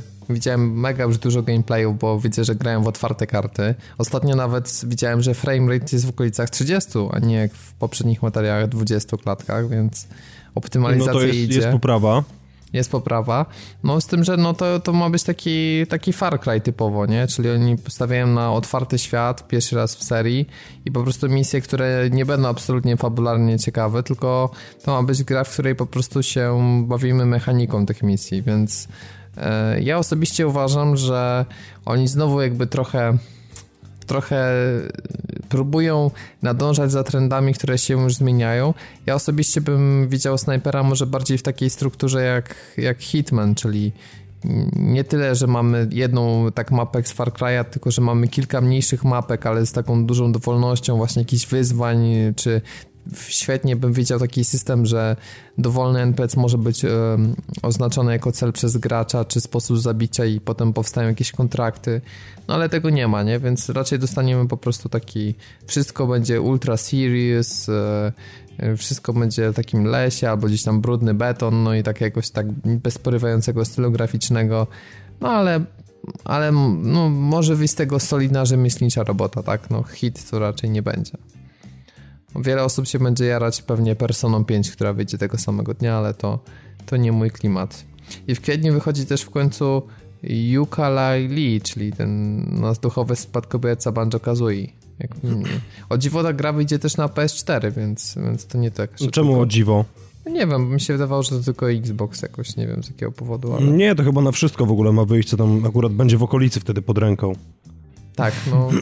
Ja też nie wspomniałem jeszcze o premierze Switcha, no bo jakby nie wiemy, kiedy ostatecznie konsola się pojawi, ale to jest dziś właśnie zapowiadane na, marzec, tak, ale być może to będzie końcówka marca, no i wtedy jeszcze do tych premier, o których mówiliśmy, dojdą nam jakieś e, elementy związane z, z e, no, z premierowymi grami na Switcha, jeżeli oczywiście takowe będą, a miejmy nadzieję, że jednak nie będą to tylko porty i coś tam się pojawi. I to tak no naprawdę... coś na pewno się pojawi. No, no, coś, no, ale tylko żeby to było coś, coś sensownego właśnie, nie? No i to jeżeli chodzi o takie, takie, takie, które mają sztywne daty premiery, to co ciekawe, to już jest wszystko i dalej lecimy o gry, które mogą absolutnie nie być grami związanymi z tym, z tym obecnym rokiem, a mogą to być kolejne. Jeżeli chodzi o Detroit, które się pojawiło na tej całej pięknej liście Sony do premier w tym roku, no to już mamy przeprosiny i to mówił Piotr w gości niedzielnym, że, że to raczej nam niestety wyskoczy tak z tego roku. No ale przepraszam, będziesz płakał w związku z tym? Ja na pewno nie. Nie, natomiast uważam, że Detroit ma szansę być bliżej Heavy Raina niż Beyond i ja osobiście lubię Heavy Raina, więc Uważam, że no wiadomo, że po latach to się bardziej pamięta już memy Jason, Jason, press button to Jason, no ale jak, jak się w to grało pierwszy raz, to naprawdę nie była to his, historia mm, no nie, w dalszym ciągu nie ma tak dużo tego typu gier, żeby powiedzieć, że jest przesyt, no. No chyba, że ktoś gra wszystkie gry od Telltale, no ale to już sam sobie szkodzi w tym momencie. Red Dead Redemption 2 też nie jest powiedziane nigdzie, że wyjdzie w tym roku. Ludzie dokładnie, tak nie wiem, z uporem maniaka umieszczają dokładnie. to na listach e, gier, ale no ja bym tutaj bezpieczny, tak? Dokładnie. Ja nawet w ogóle nie, na, razie, na razie nie liczę nic, nie liczę, nie liczę nic na, na, na ten rok, na pewno. Wiemy, jest... że gdzieś tam w, w maj, czerwiec ma wyjść Rime. Już mm, to chyba jest jakoś na. na no to może być okres. ciekawe, to, to go bardzo chętnie bym Ale gra trochę straciła na tym stylu graficznym, jakby tym pierwotnym. Nie wiem, jakby ciężko mi jest powiedzieć na czym polega zmiana, ale bardziej mi się podobała ta stylistyka o, mm, tego pierwotnego trailera. A wiesz co, to ja nawet tego nie zauważyłem. Musiałbym się pewnie bardziej przyjrzeć w takim razie. A ty Piotrek zwróciłeś może na to uwagę, że wcześniej No właśnie były... miałem powiedzieć, że też tego jakoś nie widziałem, ale wiesz, z drugiej strony te poprzednie zwiastuny oglądaliśmy dwa lata temu, więc no, no może, może gdybym sobie po prostu porównał side by side, to rzeczywiście byłoby to zauważalne. Natomiast tak z biegu to nie. Po prostu mam wrażenie, że wtedy był bardziej jakby styl taki dwuwymiarowy, bardziej taki ala akwarelowy, a teraz jakby zostano, zostało dodane więcej 3D ala Firewatch. Jakby taką ja widzę różnicę przede wszystkim. Tylko, że oczywiście ala Firewatch nie mam na myśli tego, że jest pomarańczowa stylistyka, tylko jakby sa samo, nie wiem, szczegółowość obiektów 3D versus cel shading i różne tam efekty właśnie takie stylizujące. Eee, no więc to, to, to jeżeli chodzi o o Rime, który wyjdzie w maju. O Outlastie 2 to już Dawid wspominał. Mhm. E, Injustice 2 bijatyki raczej no na to nie wiem, chyba nikt z nas nie czeka specjalnie, tak jak na no, Marvel vs. Capcom Infinite, więc to możemy sobie mm, pominąć. Eee, co tu dalej? Kurczę, patrzę listę, to już wszystko mówiliśmy. W tym roku wyjdzie Zelda. Mm, to też może być jakoś maj, czerwiec, jeżeli się nie uda na premierę Switcha, a to cały czas są plotki, więc... O ile się w ogóle na przykład uda na Wii U, bo z tego co słyszeliśmy, to mogli ją w ogóle skasować w cholerę. Tak, mogą zrobić taki manewr a Scalebound, nie? Jeżeli chodzi o tą wersję. Chociaż to akurat byłaby szkoda, bo wiele osób mm, no jednak jeszcze liczyło, że, że to będzie takie godne pożegnanie z platformą, więc osobiście to byłby straszny manewr Nintendo. Zresztą też widziałem dzisiaj odcinek e, kolejny Jimquisition na temat tego, jak Nintendo fatalnie robi ze swoimi wirtualnymi konsolami. W tym sensie, że buduje bibliotekę mm, e, tych, tych gier dostępnych ze starych platform i w tym momencie wychodzi nowa platforma, która wszystko zaczyna od zera. I to jest tak, że ta biblioteka jest sensowna właśnie dopiero, kiedy już konsola praktycznie umiera. Tak jest na przykład teraz przy okazji Wii U czy, czy 3, 3DS. No, to tak niefortunnie się, e, się z tym składa. Nino Kuni 2. Nie wiadomo, czy mhm. da radę w tym roku, ale powinno wyjść. I to ja czekam. Mam nadzieję, że, że to się uda. Ja z kolei, jeżeli chodzi o eksy Microsoftu, to najbardziej czekam na Sea of Thieves, czyli to jest ta, ta gra o tych piratach, nie wiem, czy, czy kojarzycie. Tak, tak, nawet ostatnio tak. jakaś, jakaś zamknie, zamknięta beta, czy tam alfa była. Czy nawet alfa. No i pierwsze wrażenia są fajne i myślę, że oni tutaj tak w, w taki ciekawy sposób obrali, żeby nie rzucać się jakby od razu ze wszystkim, tylko tak powoli dodawać feature'y. Więc myślę, że ma to szansę, może nie być grą, nie wiem, taką wiecie, no ale Elite Dangerous, ale, ale mm, przynajmniej na jakieś tam parę sesji od czasu do czasu dla Becky to mogłoby się sprawdzić i chciałbym, żeby ten projekt wypalił w sumie. Eee, Shenmue 3, no to tylko mogę się zaśmiać, jak widzę na tej liście, bo to na pewno... Mam dokładnie tak samo. Eee, God of War 4, to, mm, to też nie jest przekon, nie jestem przekonany, że na pewno się Nie, uda. to jest pobożne życzenie. To jest pobożne życzenie. Crackdown 3 chyba też, bo to tam wychodzi i wychodzi. To, to, to zależy to... od tego, w jakim stanie będą serwery Microsoftu i chmura. ja powiem tak, że jeżeli y, tak chmura miałaby pochodzić z krakowskiego czy warszawskiego smogu, no to wtedy byłaby szansa, że gra zadebiutowałaby może już nawet w tym roku. Więc, więc zobaczymy. No to są gęste chmury, rzeczywiście. Tak, South Park The Fractured But Whole, no i tutaj co by nie mówić, no to trzeba być fanem South Parku, żeby coś więcej powiedzieć i się jarać. State of Decay 2 to tutaj z kolei to Dawid. biorę od razu. Mam nadzieję, że... Survival. Przede wszystkim, ale przede wszystkim tryb kooperacji, to jest najważniejsze, bo tego zabrakło w jedynce, w jedynce, i mam nadzieję, że będzie przede wszystkim dopracowana bardziej techniczne, bo jed, jed, technicznie, bo jedynka miała bardzo fajny pomysł i początek jest świetny. Początek jest naprawdę świetny, gdy zakładamy pierwszą bazę, gdy werbujemy ludzi, ale potem wkrada się jakaś taka jakaś taka mechaniczna mechaniczne odgrywanie tego całego cyrku i tylko i robienie trochę tego samego i szkoda, że samemu, a tu mam nadzieję, że to zostanie zrobione, więc e, czekam bardzo mocno. To jest jedna z dwóch gier, na które czekam w tym roku, z trzech tak naprawdę. Mm, z trzech, no ale wymieniłem je wszystkie. Nie, czy... nie, jeszcze nie wymieniłeś Preya. A, no dobrze, no ale czekaj, czy ja mam tu na liście?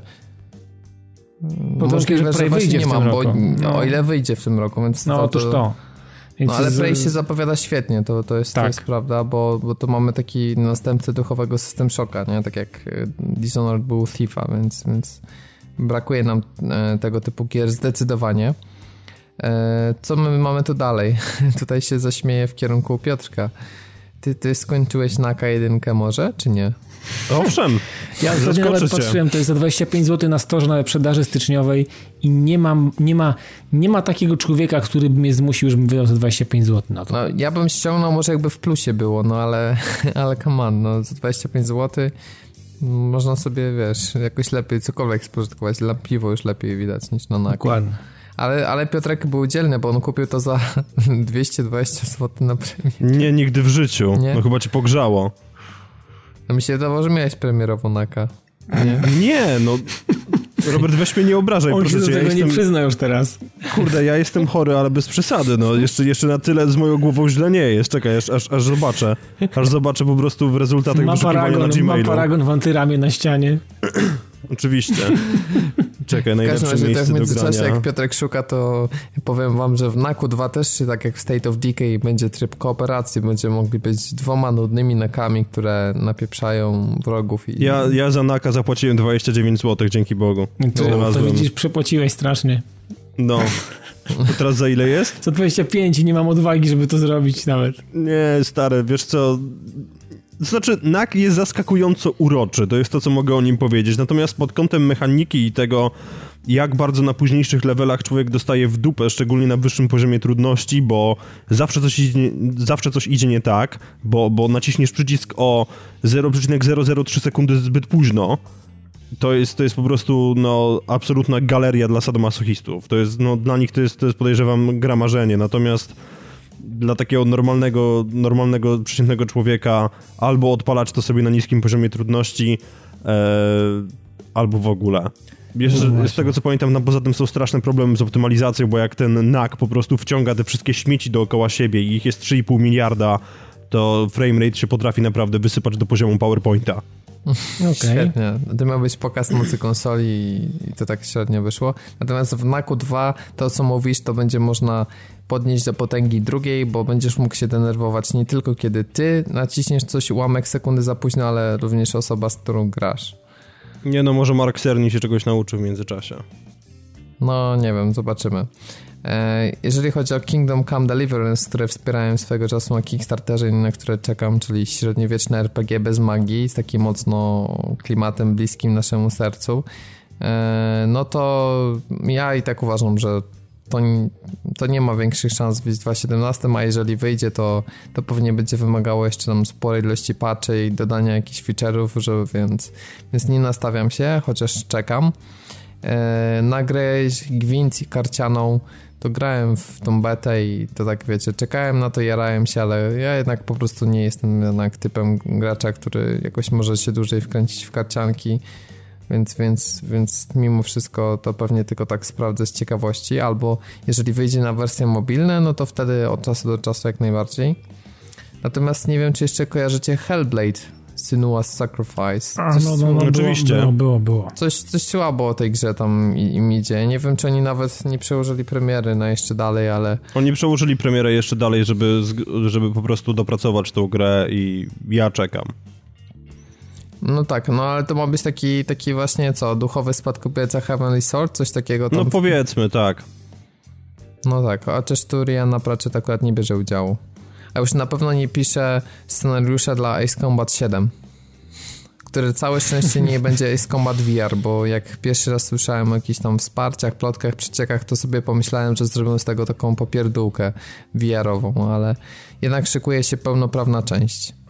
Bardzo dobrze. Ja będę wpieprzał jak zły, wreszcie wracamy do, do, na stare śmieci, w sensie nie będzie żadnych tam nonsensów typu atak na Nowy Jork, tylko jest po prostu stare, dobre uniwersum, Stara, które dobra było... brzoza i, i tak dalej. Znaczy tam wiesz, tam akurat brzozy mogą być metalowe, bo to jest jednak e, Strange Real się nazywa te, te uniwersum, więc wszystko jest jak najbardziej spoko. Zapowiedzieli powrót X-Planes, e, czyli tych eksperymentalnych, dziwnych samolotów, które mają lasery chowane pod kokpitem i tak dalej i to jest to, czego ja od Ace Combat chcę, więc ja jestem bardzo zadowolony. To jeszcze w tym roku? E, no, wiesz, trochę pobożne życzenia, ale tak. No to super. Ja jestem jak Ale nie, najbardziej przecież zainteresowany. Robert, przecież odnośnie, tak mi się przypomniało, odnośnie Preya, Prey ma wyjść na wiosnę jakoś teraz tego roku. Tak mi się wydaje, że gdzieś czytałem, ale nie wiem, może znowu się gdzieś machnąłem z czymś, ale wydaje mi się, że była mowa o wiośnie 2017, no. Wiesz co, no ja akurat tak jak mówiłem, bazuję na, na, na tym, co widzę. Okej, E, okej, okej. Jeżeli chodzi o datę oficjalną premiery, to wszędzie widzę po prostu faktycznie 2017, ale może faktycznie były jakieś ostatnio plotki, nie? Release date, jak gdzieś tu widzę Q1 slash Q2, no więc to raczej faktycznie jest jest... Znaczy, e, mi się wydaje, że może wyjść przed wakacjami jeszcze. Gdzieś tak no czytałem, że może, to ale może być jakoś równie dobrze może klimat. dostać, wiecie, Może opóźnienie dostać jednak. strzała, oczywiście, oczywiście, jak najbardziej. Jeżeli chodzi o gry niezależne, to jeżeli jesteście z Poznania, to będziecie pewnie kojarzyć ten tytuł gry, bo nazywa się Pyre. Na Shadow Warrior 2 też wychodzi na konsolę kwiecień, marzec chyba. Pyre, kojarzysz Pyre? Pyre to jest y, gra od trans Transistora. Kojarzę, kojarzę. Y, więc ona też, też ma wyjść w tym roku i znowuż ma wszystkich zainteresować taką oryginalną stylistyką. Właśnie widać, że to od nich gra, więc to jest fajne, że ktoś jest fanem taki właśnie nie wiem jak to nazwać, takich turowych, ale z twistem gier y, osadzonych w bardzo charakterystycznych uniwersach niezależnych, to, to tam znajdzie coś, coś na pewno dla siebie. E, Cuphead niby też ma wyjść w tym roku, chociaż to już słyszymy Nie o wierzę tym, w to. słyszymy. Nie, słyszymy od trzech lat o tym. z takich grubasów to są plotki, znaczy no mm, może jednak im się uda, bo takie były nawet wręcz mm, potwierdzenia, że Star Wars Battlefront 2 trafi w tym roku do, do sklepów i będzie tą strzelanką związaną z e, już ósmym epizodem, tak, który ma zadebiutować tam pod koniec roku. No, zobaczymy. Przynajmniej tym razem podobno ma być kampania singlowa, więc nawet ja mógłbym kupić. No, myślę, że to jest coś, co mega potrzebujemy. Jeżeli oni by zrobili coś takiego ala Titanfall 2 dla Battlefronta, czyli naprawdę ciekawą kampanię, taką nieszablonową i będzie to coś więcej niż e, na mapach multi e, granie, no to, to będę też wpieprzał jak zły. Zresztą chyba nawet Dawid, ja widziałem, że ty ostatnio na PS4 śmigasz tam w Battlefroncie. Nie, to nie ja, to mój młody. Aha. Ale ten, ale mm, ty na Xboxie One z kolei, nie? Tam... Ale już dawno nie grałem, także w tej chwili z multiplayerowych gier to Overwatch jest dla mnie tym numerem jeden mm, i, mm, i Battlefield 1, więc w sumie jeżeli w multi mam pobiegać z kimś, to wolę w tych dwóch grach Battlefront. Teraz na Xboxie One ciężko znaleźć ludzi do grania, już jest bardzo mało ludzi grających, a ja w dodatku posiadam tylko i wyłącznie podstawkę, więc możliwe, że przeszli sobie na dodatki z Łotrem 1 albo czy Gwiazdą cokolwiek innego, czy z Gwiazdą Śmierci, a ja niestety tego nie mam, więc e, ale mam to na PS4, więc no bez sensu, żebym kupować na Xbox One, jak mam na PS4 wersję Ultimate, więc e, No właśnie, no może tam Passem. jeszcze wrócisz jakoś nieraz, Może żeby tak, sobie może DLC tak. ograć na Może tak, może nie? tak, może tak. E, dokładnie. E, no i w tym roku też będzie powrót Wipeouta. To już słyszeliśmy, że To ma super, to w się wersji bardzo cieszę. Collection. Chciałbym bardzo. Brakuje, no nie ma w ogóle Brakuje, tego typu gry. brakuje, brakuje, brakuje. I to jest takie No szkoda- esencja grania konsolowego, można powiedzieć. Zawsze mi się. Wipeout z konsolami Tak. kojarzy. Szkoda tylko, że to remake, a nie, nie zupełnie nowa część. Ale No ale wiesz, że wiesz, mieli pomysłu, ro- i rak ryba, Piotrek, wiesz jak jest, nie? no chyba Wiem, musimy po jest. prostu... Ja trochę żałuję, że może to nie jest taki poziom, wiecie, remake'u jak Ratchet, nie? Dostał, że... Że jednak to widać, że to jest bardziej taki remaster niż remake, nie? W sensie takim, że no to są... Ta gra prezentuje się tak jakby na PS3, tylko trochę lepiej, no ale może jeszcze trochę tam coś poprawią. Ale wiesz, no, na PS3 też śmigała w Full HD i w 60 klatkach, czyli tutaj po prostu no Podejrzewam, 4K. że, że znaczy 4K to tak, czyli super sampling na, na Pro, natomiast nie wydaje mi się, żebyśmy mogli specjalnie narzekać na, na warstwę techniczną, no bo no Wipeouty od zawsze były naprawdę bardzo dobrze zoptymalizowanymi grami. No i no. się nie mylę, ta część na Vita miała jakieś tam problemy, no ale Vita ogólnie miała problem, więc... Tak, sama ze sobą. Jak tam twoja Vita, Piotrek? Zgubił, e, jest, kurwa. Jest gdzieś za telewizorem. Spadła ale, i nie ma, nie ma ochoty wyciągać. Piotrek kupił krzywą szafkę pod telewizor i musiał czymś wyrównać poziomy i padło Nie powiedziałem, że spadła za, a nie pod. Jednej nóżki szafka nie ma, więc podłożył. Na touchpadem, rozumiesz, do góry i już. tutaj tutaj trzeba postawić. Się o analogii. Na gałce dokładnie, szafka na gałkach stoi. Ja też widzę to na listach Spiderman, ale mogę się tylko uśmiechnąć, że niby to Spider-Man ma być od twórców Infamousa, zdaje się, tak? Ale wątpię, że... Nie, to Spider-Man Spider nie jest od twórców Infamousa, tylko jest od... Od, e, o Boże. Od Insomniac? Oh. Od Insomniak, dokładnie. No to zobaczymy, jak im to wyjdzie i, i czy, czy Wiesz co, ale póki co prognozy, prognozy są zaskakująco spoko. Tam ostatnio był wyciek na IMDB e, opisu gry i ona może być całkiem ciekawa, bo ona się będzie kompletnie rozmijała z uniwersum filmowym, no bo z uniwersum jakby w tym, w tym całym MCU, tak, Spider-Man zalicza kolejny reboot. Ja już po prostu mam serdecznie nie, no dość tak, tych rebootów. Nie, po prostu jak jest śmierć Wulka Bena, to mi się kurwa nóż w kieszeni otwiera, rozumiesz? Ile może być po prostu ciągle... Sam idziesz i go zabijasz. To tak jak wałkują ciągle, że wychodzi, rozumiesz, Bruce Wayne z rodzicami, nie? I zabijają ich po prostu. No tak, tak, tak, ale I uwaga, właśnie jak chodzi... ktoś mi się obrazi o spoiler, to dostaje Dostaje, Dostaje bana. po prostu, tak. Nie, ale właśnie z tego, Insomniak oczywiście tego nie potwierdziło, ani też nie zaprzeczyło, natomiast no, wyciek jest taki, że mamy do czynienia z Peterem Parkerem, który nie jest jakimś tam berbeciem, który chodzi do szkoły i płacze cioci May o tym i o tamtym, tylko jest to już dojrzały człowiek, który ma żonę i córkę i właśnie będzie trzeba jakoś, się, jakoś tak poruszać tak po całym tym świecie, żeby ich nie narażać.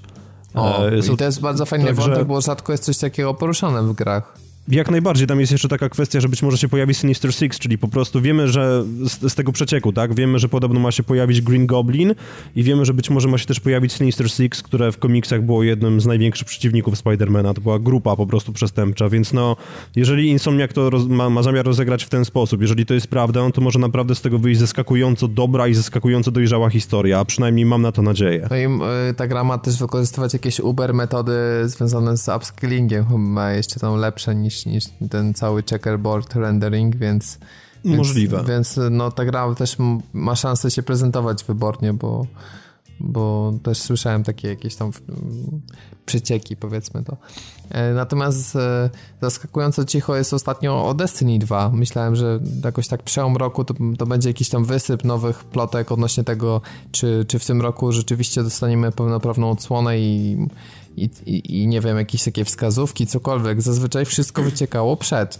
A póki co jest cisza i myślisz, że oni dadzą radę? No bo na ten moment Destiny poza tym eventem świątecznym to czeka nas wałkowanie ciągle tego samego, tak? No bo... Ja się dziwię, ja się naprawdę dziwię, bo jak patrzę na moją listę znajomych na PS4, gdzie spora część osób właśnie została przeze mnie poznana w Destiny, to ci ludzie dalej po prostu z uporem maniaka, nie powiem, że grają, oni po prostu napierdalają i w momencie, kiedy jest piątkowy wieczór, ja widzę, że znowu ta sama ekipa idzie na trialsy, no to Serio? nie wiem, czy mam gratulować... Czas? Tak, ja nie wiem, czy mam gratulować wytrwałości, czy, czy, czy no, skierować do psychiatry, no bo to naprawdę się zaczyna robić niezdrowe. No w każdym razie oni już nie mają czego zrobić i wydaje mi się, że nawet samo Bungie ma tego świadomość, no bo w momencie, kiedy oni teraz wyjadą, to znaczy wiemy, że jeszcze mają być jakieś tam takie eventy pomniejsze, darmowe, tak podobnie jak było w zeszłym roku, czyli pewnie w okolicach walentynek, jakieś Crimson Doubles, tego typu sprawy. Wow, Natomiast oni... Czyli oni... znaczące bzdetowe eventy takie, no bo tak, to, nie, no, to nawet tam, nie jest taki tam... poziom jak w Overwatchu, tylko są naprawdę takie jeszcze większe bzdety, nie? Nie, no to polega na tym, że na Tower nagle się.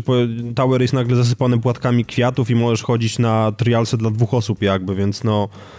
No kurwa. Porywające. Porywające, tak, ale właśnie no, oni, oni myślę, że zdają sobie już sprawę, że nie mają czego więcej zrobić, no bo w zeszłym roku wiem, że porwali osoby od, e, odpowiedzialne za scenariusz w Mass Effectie Andromeda, więc to się może dobrze skończyć. E, natomiast, tak jak mówię, oni powinni już mieć świadomość, że, że każdy kolejny teraz dodatek, który wypuszczą ewentualny, płatny, to nie będzie nic więcej jak wkurw społeczności. tak najzwyczajniej w świecie, bo naprawdę oni, oni już wywałkowali tyle różnych dziwnych rzeczy tyle z tej gry. Tyle asetów już zrecyklowali, że już się nie da. Już po prostu ta biedna Wiesz butelka co? Tak. plastikowa tak. już ma błaga dość po prostu, że już jest tak. dziesiątą butelką z rzędu zrecyklowaną i już nie ma siły jest coś, coś w tym może być, natomiast no wiesz, jeżeli teraz pójdziesz do sklepu i kupisz Destiny, to dalej dostaniesz na płycie Vanilla Destiny i będziesz musiał ściągać 3,5 tysiąca. Już mogliby wydać wersję jakąś 2.0 albo cokolwiek. Mogliby. Płycie, I w oryginalna, tak. oryginalnej roadmapie w ogóle było założone, że Destiny będzie żyło przez dwa lata i generalnie rzecz biorąc w zeszłym roku, teoretycznie we wrześniu się miała dwójka pojawić. No wszyscy wiemy jak wyszło, a raczej nie wyszło, więc no przy zaangażowaniu High Moon Studios, e, samego Bungie i bodajże tam jest jeszcze jakieś jedno studio, które nad tym dłubie, no wydaje mi się, że Neversoft? oni powinni to spiąć. Mo nie.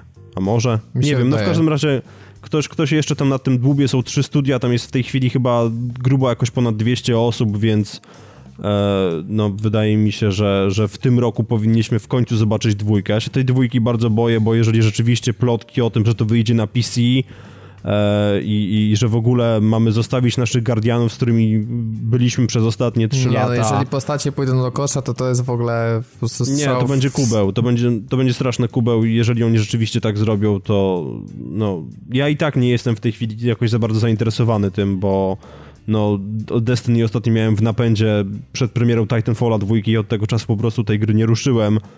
No, nawet ja też nie polatałem w Sparrow Racing. Może jeszcze to trwa, czy się skończył już ten event? Nie, skończyło się już tam jakiś był event świąteczny, The Dawning czy coś. E, natomiast no to już, to już jest koniec i teraz w zasadzie tam będzie po prostu tylko, tylko Tumbleweedy się będą chyba przewalały. Więc no czekamy na jakieś newsy odnośnie tej dwójki. Ja byłem w zasadzie zdziwiony, że oni nie pokazali niczego na PlayStation Experience w grudniu zeszłego roku. Były takie plotki, e, że coś może się pojawić. Były plotki, bo to, to że, że w ogóle zapowiedzą coś z wielką pompą na e, o Boże, na TGA, TGX, VGA, na gali Jeffa z Doritosami Mountain Dew. I z przemówieniem e, o Kojimie. I oczywiście tak. Hydrobot, taking to the next level. Kurwa, proszę nie. Pamiętam. Oh, wow. Ale właśnie były, były plotki, że tam coś pokażą, bo oczywiście community manager, który jara się powiększaniem miejsca w Wolcie, krzyczał, że, że jadą właśnie na te dwie gale i że będzie super a potem się okazało, że to jest Sparrow Racing League, więc no... Aha, no Aż tak, tak mamy to gdzieś. Faktycznie oni to tam zapowiedzieli, nie no, to trzeba tak, mieć Tak, oni tam w, w tym, w, w poście na blogu właśnie krzyczeli, że, że się tam pojawią i wszyscy oczywiście podgrzali sobie atmosferę i no gówno z tego wyszło za przeproszeniem, ale wydaje mi się, że muszą w tym roku wypuścić dwójkę, bo nie będą mieli po prostu innego wyjścia już. No, chyba tak. Czytam sobie, bo to była pozycja 63 na liście 73 gier, więc zbliżamy się do końca. Przechodzę sobie o dwie niżej i widzę Scalebound i uśmiecham się pod nosem. 66 z kolei to Farpoint, e, czyli też jakaś tam gra na VR, którą niektórzy mogą czekać. Ja w ogóle mi się wydawało, że ta gra już wyszła. Ja czekam mocno na DLC do Uncharted Lost Legacy, bo wydaje mi się, że oni trochę inaczej chcą podejść do gameplayu i przynajmniej to, co pokazali do tej pory, to mi się podobało i ja poza tym tęskniłem za Chloe i cieszę się, że, że będzie powrót e, tej postaci. E, no i zobaczymy, jak to wyjdzie. Mm, jak to będzie osadzone w kwestii całego uniwersum i, i jak to się będzie miał do Uncharted 4 i czy będą jakieś tam, powiedzmy, nie wiem, punkty styczne, czy nie. Tak czy siak, no na pewno jak będzie, tylko to kupię.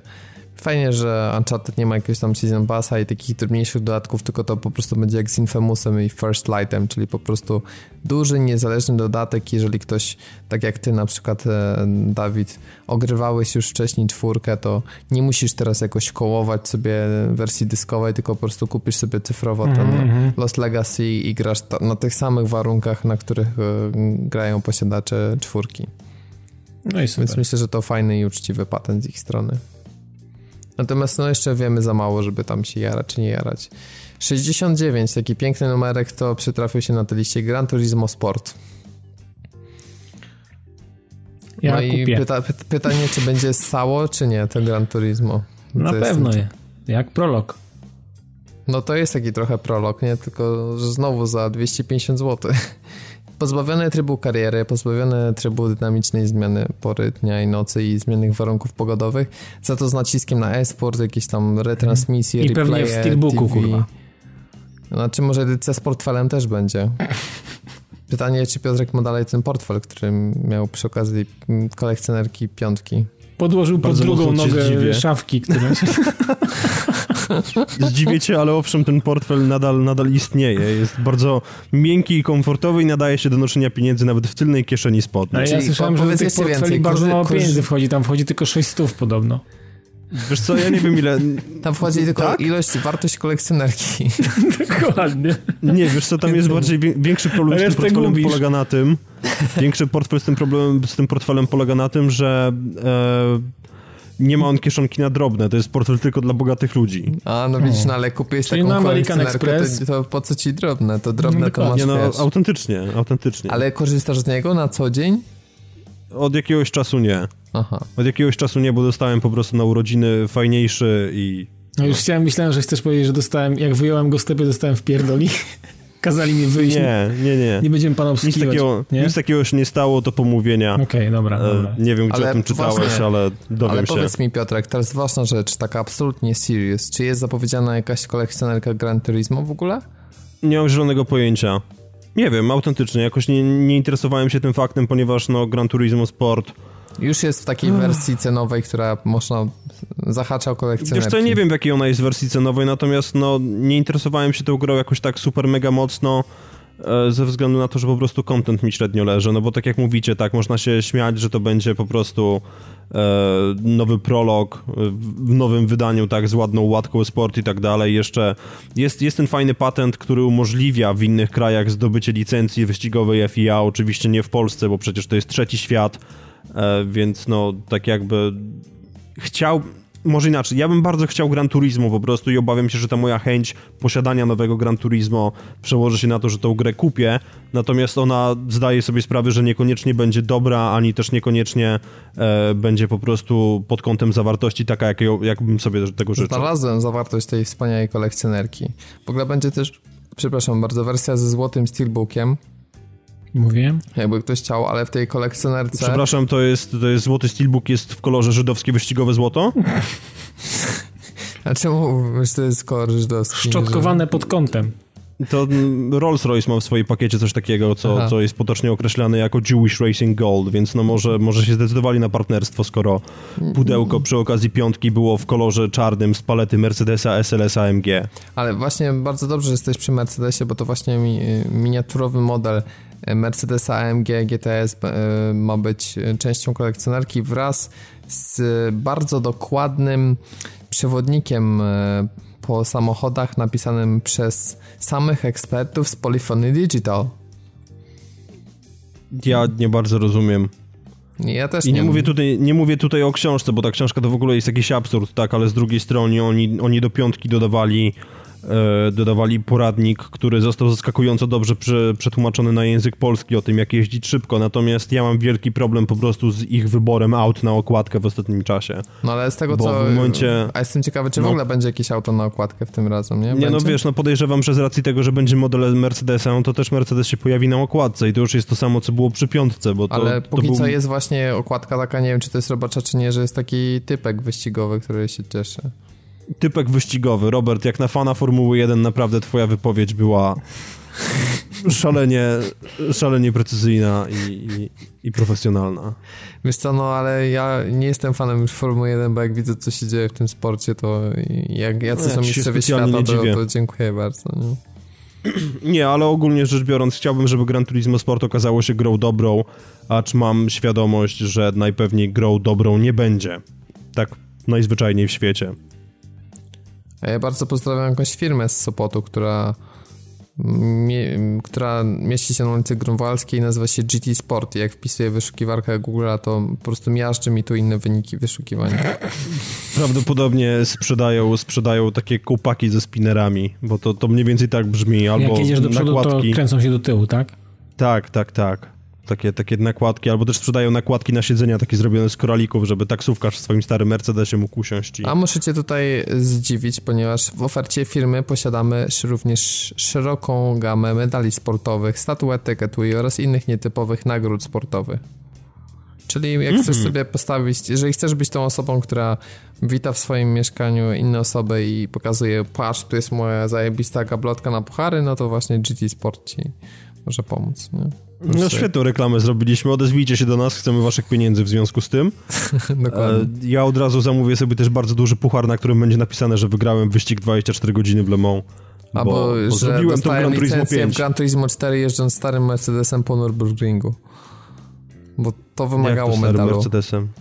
No e, już nie pamiętam którym, ale pamiętasz ten taki event, jak się zdobywało, wiesz, no to było ala driving license, nie? I był taki właśnie event na Nürburgringu, gdzie po prostu nie mogłeś w ogóle wyjechać ani pikselem na, wiesz, no poza, poza trasa, a jednocześnie czas do wykręcenia był kosmiczny. Nie... A, to ty mówisz, ty mówisz o tym, co było w starym, w starym tym, w starym Galwingu. Nie pamiętam, czy to było w starym Galwingu. To był w starym Galwingu, tak, tak, bo mi się, mi się skojarzyło z jednym wyzwaniem, które było w Gran Turismo 4, które polegało na tym, że dostawałeś Mercedesa SLR wtedy i przed tobą 2,5 minuty były wypuszczane starsze samochody, starsze samochody Mercedesa i musiałeś przegonić je jadąc całą trasę i to było podobno najtrudniejsze wyzwanie w ogóle w Gran Turismo 4. No to właśnie chyba e... o tym mówię, no. No to, to, to, to jest co innego, ale tak, to, to były bardzo ciekawe wyzwania. Ale ogólnie jedno i drugie to mi się kojarzy, że były właśnie takimi wyzwaniami, które jednak no, wymagały dosyć, nie? E, no, jakby nie patrzeć, sporo zaangażowania i trzeba było tam się nieźle, nieźle naspinać. No więc e, jeżeli chodzi o naszą magiczną listę, to obawiam się, że dotarliśmy już e, do końca. No i właśnie tak sobie możemy to podsumować. No, na razie to nie wygląda jakoś ultra mocarnie. Jest tego całkiem sporo, więc nie można mówić, że nie ma gier, ale no jeszcze tych takich ultra hiperkillerów to, to ja bym sobie życzył nieco więcej. Dokładnie, no, ale zobaczymy jeszcze co jeszcze wyjdzie. skasowany Scalebound to już w ogóle jest trudno. Nie no, ja myślę, że teraz to już w ogóle ten rok nie ma sensu. Skoczmy od razu Możemy na 18, od razu, tak. Właśnie chciałem to, chciałem to zaproponować, ale tak między Bogiem a prawdą, śmiechem, żartem, trzeba pamiętać o tym, że w tym roku jeszcze najprawdopodobniej dojdzie do premiery Project Scorpio i są w kontekście gier wyścigowych bardzo duże plotki mówiące o tym, że wraz z premierą Scorpio będzie też Forza Motorsport 7, czyli Forza Motorsport wyprzedzi pod kątem numeracji Gran Turismo, ale spoko. No to fakt, nie? To jest ciekawe. Ale wiesz, no poza Scorpio to ta odsłona nie będzie miała sensu, bo to, co się dało wycisnąć z Xboxa One zwykłego czy One S, no to już mamy yy, skrystalizowane w postaci szóstej części, tak? Więc, to jest fakt. Więc, więc na razie nie widzę sensu. O ile Horizon, no to może sobie dawać inne settingi, no ale co ma zrobić siódemka względem szóstki, no... Tym bardziej, że jeszcze była piątka, Nie wiem, zmienne warunki pogodowe? Dynamiczną porę dnia i nocy? No, A nie presety? No 4K na Scorpio i, w sumie... No ale to, to będzie niezły pojedynek, tak? Być może GT Sport versus Forza. Nie, to nie będzie pojedynek, to będzie absolutne zmiażdżenie ze strony Forza, jeżeli się siódemka pojawi. No w sumie tak, no bo jedna będzie grą wyścigową, a druga jakąś taką esportową przystawką, która chce być sprzedawana dla wszystkich. No właśnie. No, oby, obyśmy się mylili. No i podsumowując to nasze całe malkontentstwo i narzekanie, to powiedzmy Piotrek, ty, ty, na co czekasz? Bo Dawid ty wymienił tytuły, więc ja już nie będę go pytał, żeby się nie powtarzał, ale ciebie jeszcze zapytam. Takie powiedzmy trzy gry, które, które najbardziej czekasz z, z tego wszystkiego, co wymieniliśmy. Ja się boję na nie czekać, ale mimo wszystko czekam, czyli Mass Effect Andromeda.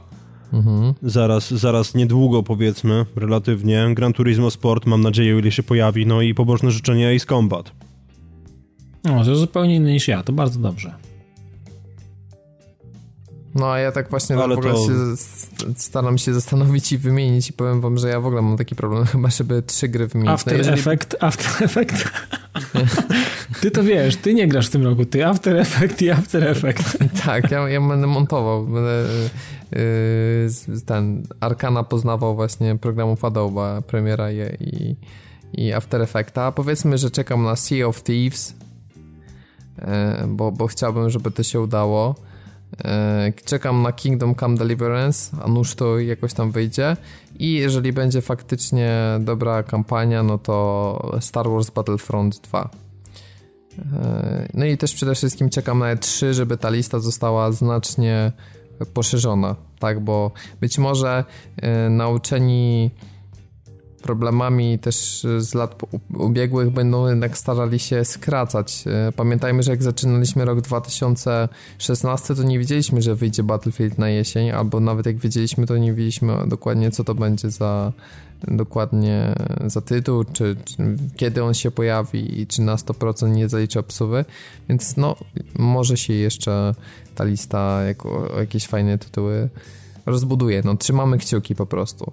I zachęcamy Was też, żebyście na grupie, czy na padtv.pl, czy właśnie na, na Facebooku też e, podzielili się listą tych gier, na które najbardziej czekacie, bo może jest coś, co pominęliśmy, to też nam dajcie znać, co jest wartego uwagi. I jeszcze na koniec Wam przypomnimy, że 13 stycznia będzie takie pierwsze uzupełnienie tej listy, bowiem o 5 rano polskiego czasu Nintendo mm, przeprowadzi w Tokio konferencję, na której zostaną ujawnione już wszelkie szczegóły na temat Nintendo Switcha. Spodziewamy się daty premiery, ceny oraz tytułów startowych, więc, więc w tym kontekście to tych, tych gier przybędzie. Najprawdopodobniej mm, dowiemy się o tym, że Beyond Good and Evil 2 będzie ekskluzywem przez rok na Switcha, bo Nintendo tam daje kasę, tak jak z Bayonetta 2. A druga sprawa jest taka, że e, prawdopodobnie konsola będzie wyposażona w nieco słabsze bebechy niż było wynikało z pierwszych przecieków, ale cena będzie powiedzmy tam bardziej atrakcyjna w okolicach 1000 zł gdzieś tam na nasze. Ale nie będziemy wałkować po raz setny tematu, tylko już powiemy na gorąco za tydzień, więc już Was zapraszamy na 224 podcast. W międzyczasie odwiedźcie stronę naszą padtv.pl. Zapraszamy także na Facebooka, Twittera. Jesteśmy w Retrocket Network sami i sobie będziemy tam. No. To nasz, nasz, nasz, nasz ogródek. To jest nasza kopia padtv.pl. Tak, to jest mm, dokładnie. padtv.pl Może ustawmy przekierowanie. No, a to chyba w drugą stronę. No. E, I jesteśmy też w Radiu GRM. Ja już wam bardzo dziękuję za odcinek. Mogliśmy się martwić, czy wyjdzie krótko, ale jednak żeśmy sobie popłynęli. Dwie godziny są. Także możemy, umiemy możemy, tak, my umiemy w podcasty. Miejmy nadzieję, że twórcy będą umieli w gry w tym roku. Więc tego sobie i Wam życzymy. E, z mojej strony to już wszystko. Z tej strony Robert Fiałkowski. Ja Wam dziękuję za te spędzone minuty, a nawet godziny. Ze mną nagrywał dzielnie, jakoś tam trzymający się i nie kaszlący na nagraniu Piotrek. Ja kaszlałem, tylko że wyciszałem mikrofon. Kaszlałeś na tak zwanym poza anteniu. Tak. Brawo ty. Brawo ty. Powinieneś powiedzieć brawo ja. No właśnie, ale to nie jest reklama plusa, więc, więc widocznie chcieliśmy przełamać konwencję. No i dziękujemy bardzo też Dawidowi, który y, dzisiaj y, też przedstawił swoją, swoją subiektywną listę i w sumie też chciałem coś ciekawego powiedzieć na koniec, ale nie, nie przychodzi mi nic więcej do głowy, więc... Byłem ogromnym fanem Scaleboundu i... O, właśnie. U, u, lecą mi krokodyle łzy teraz.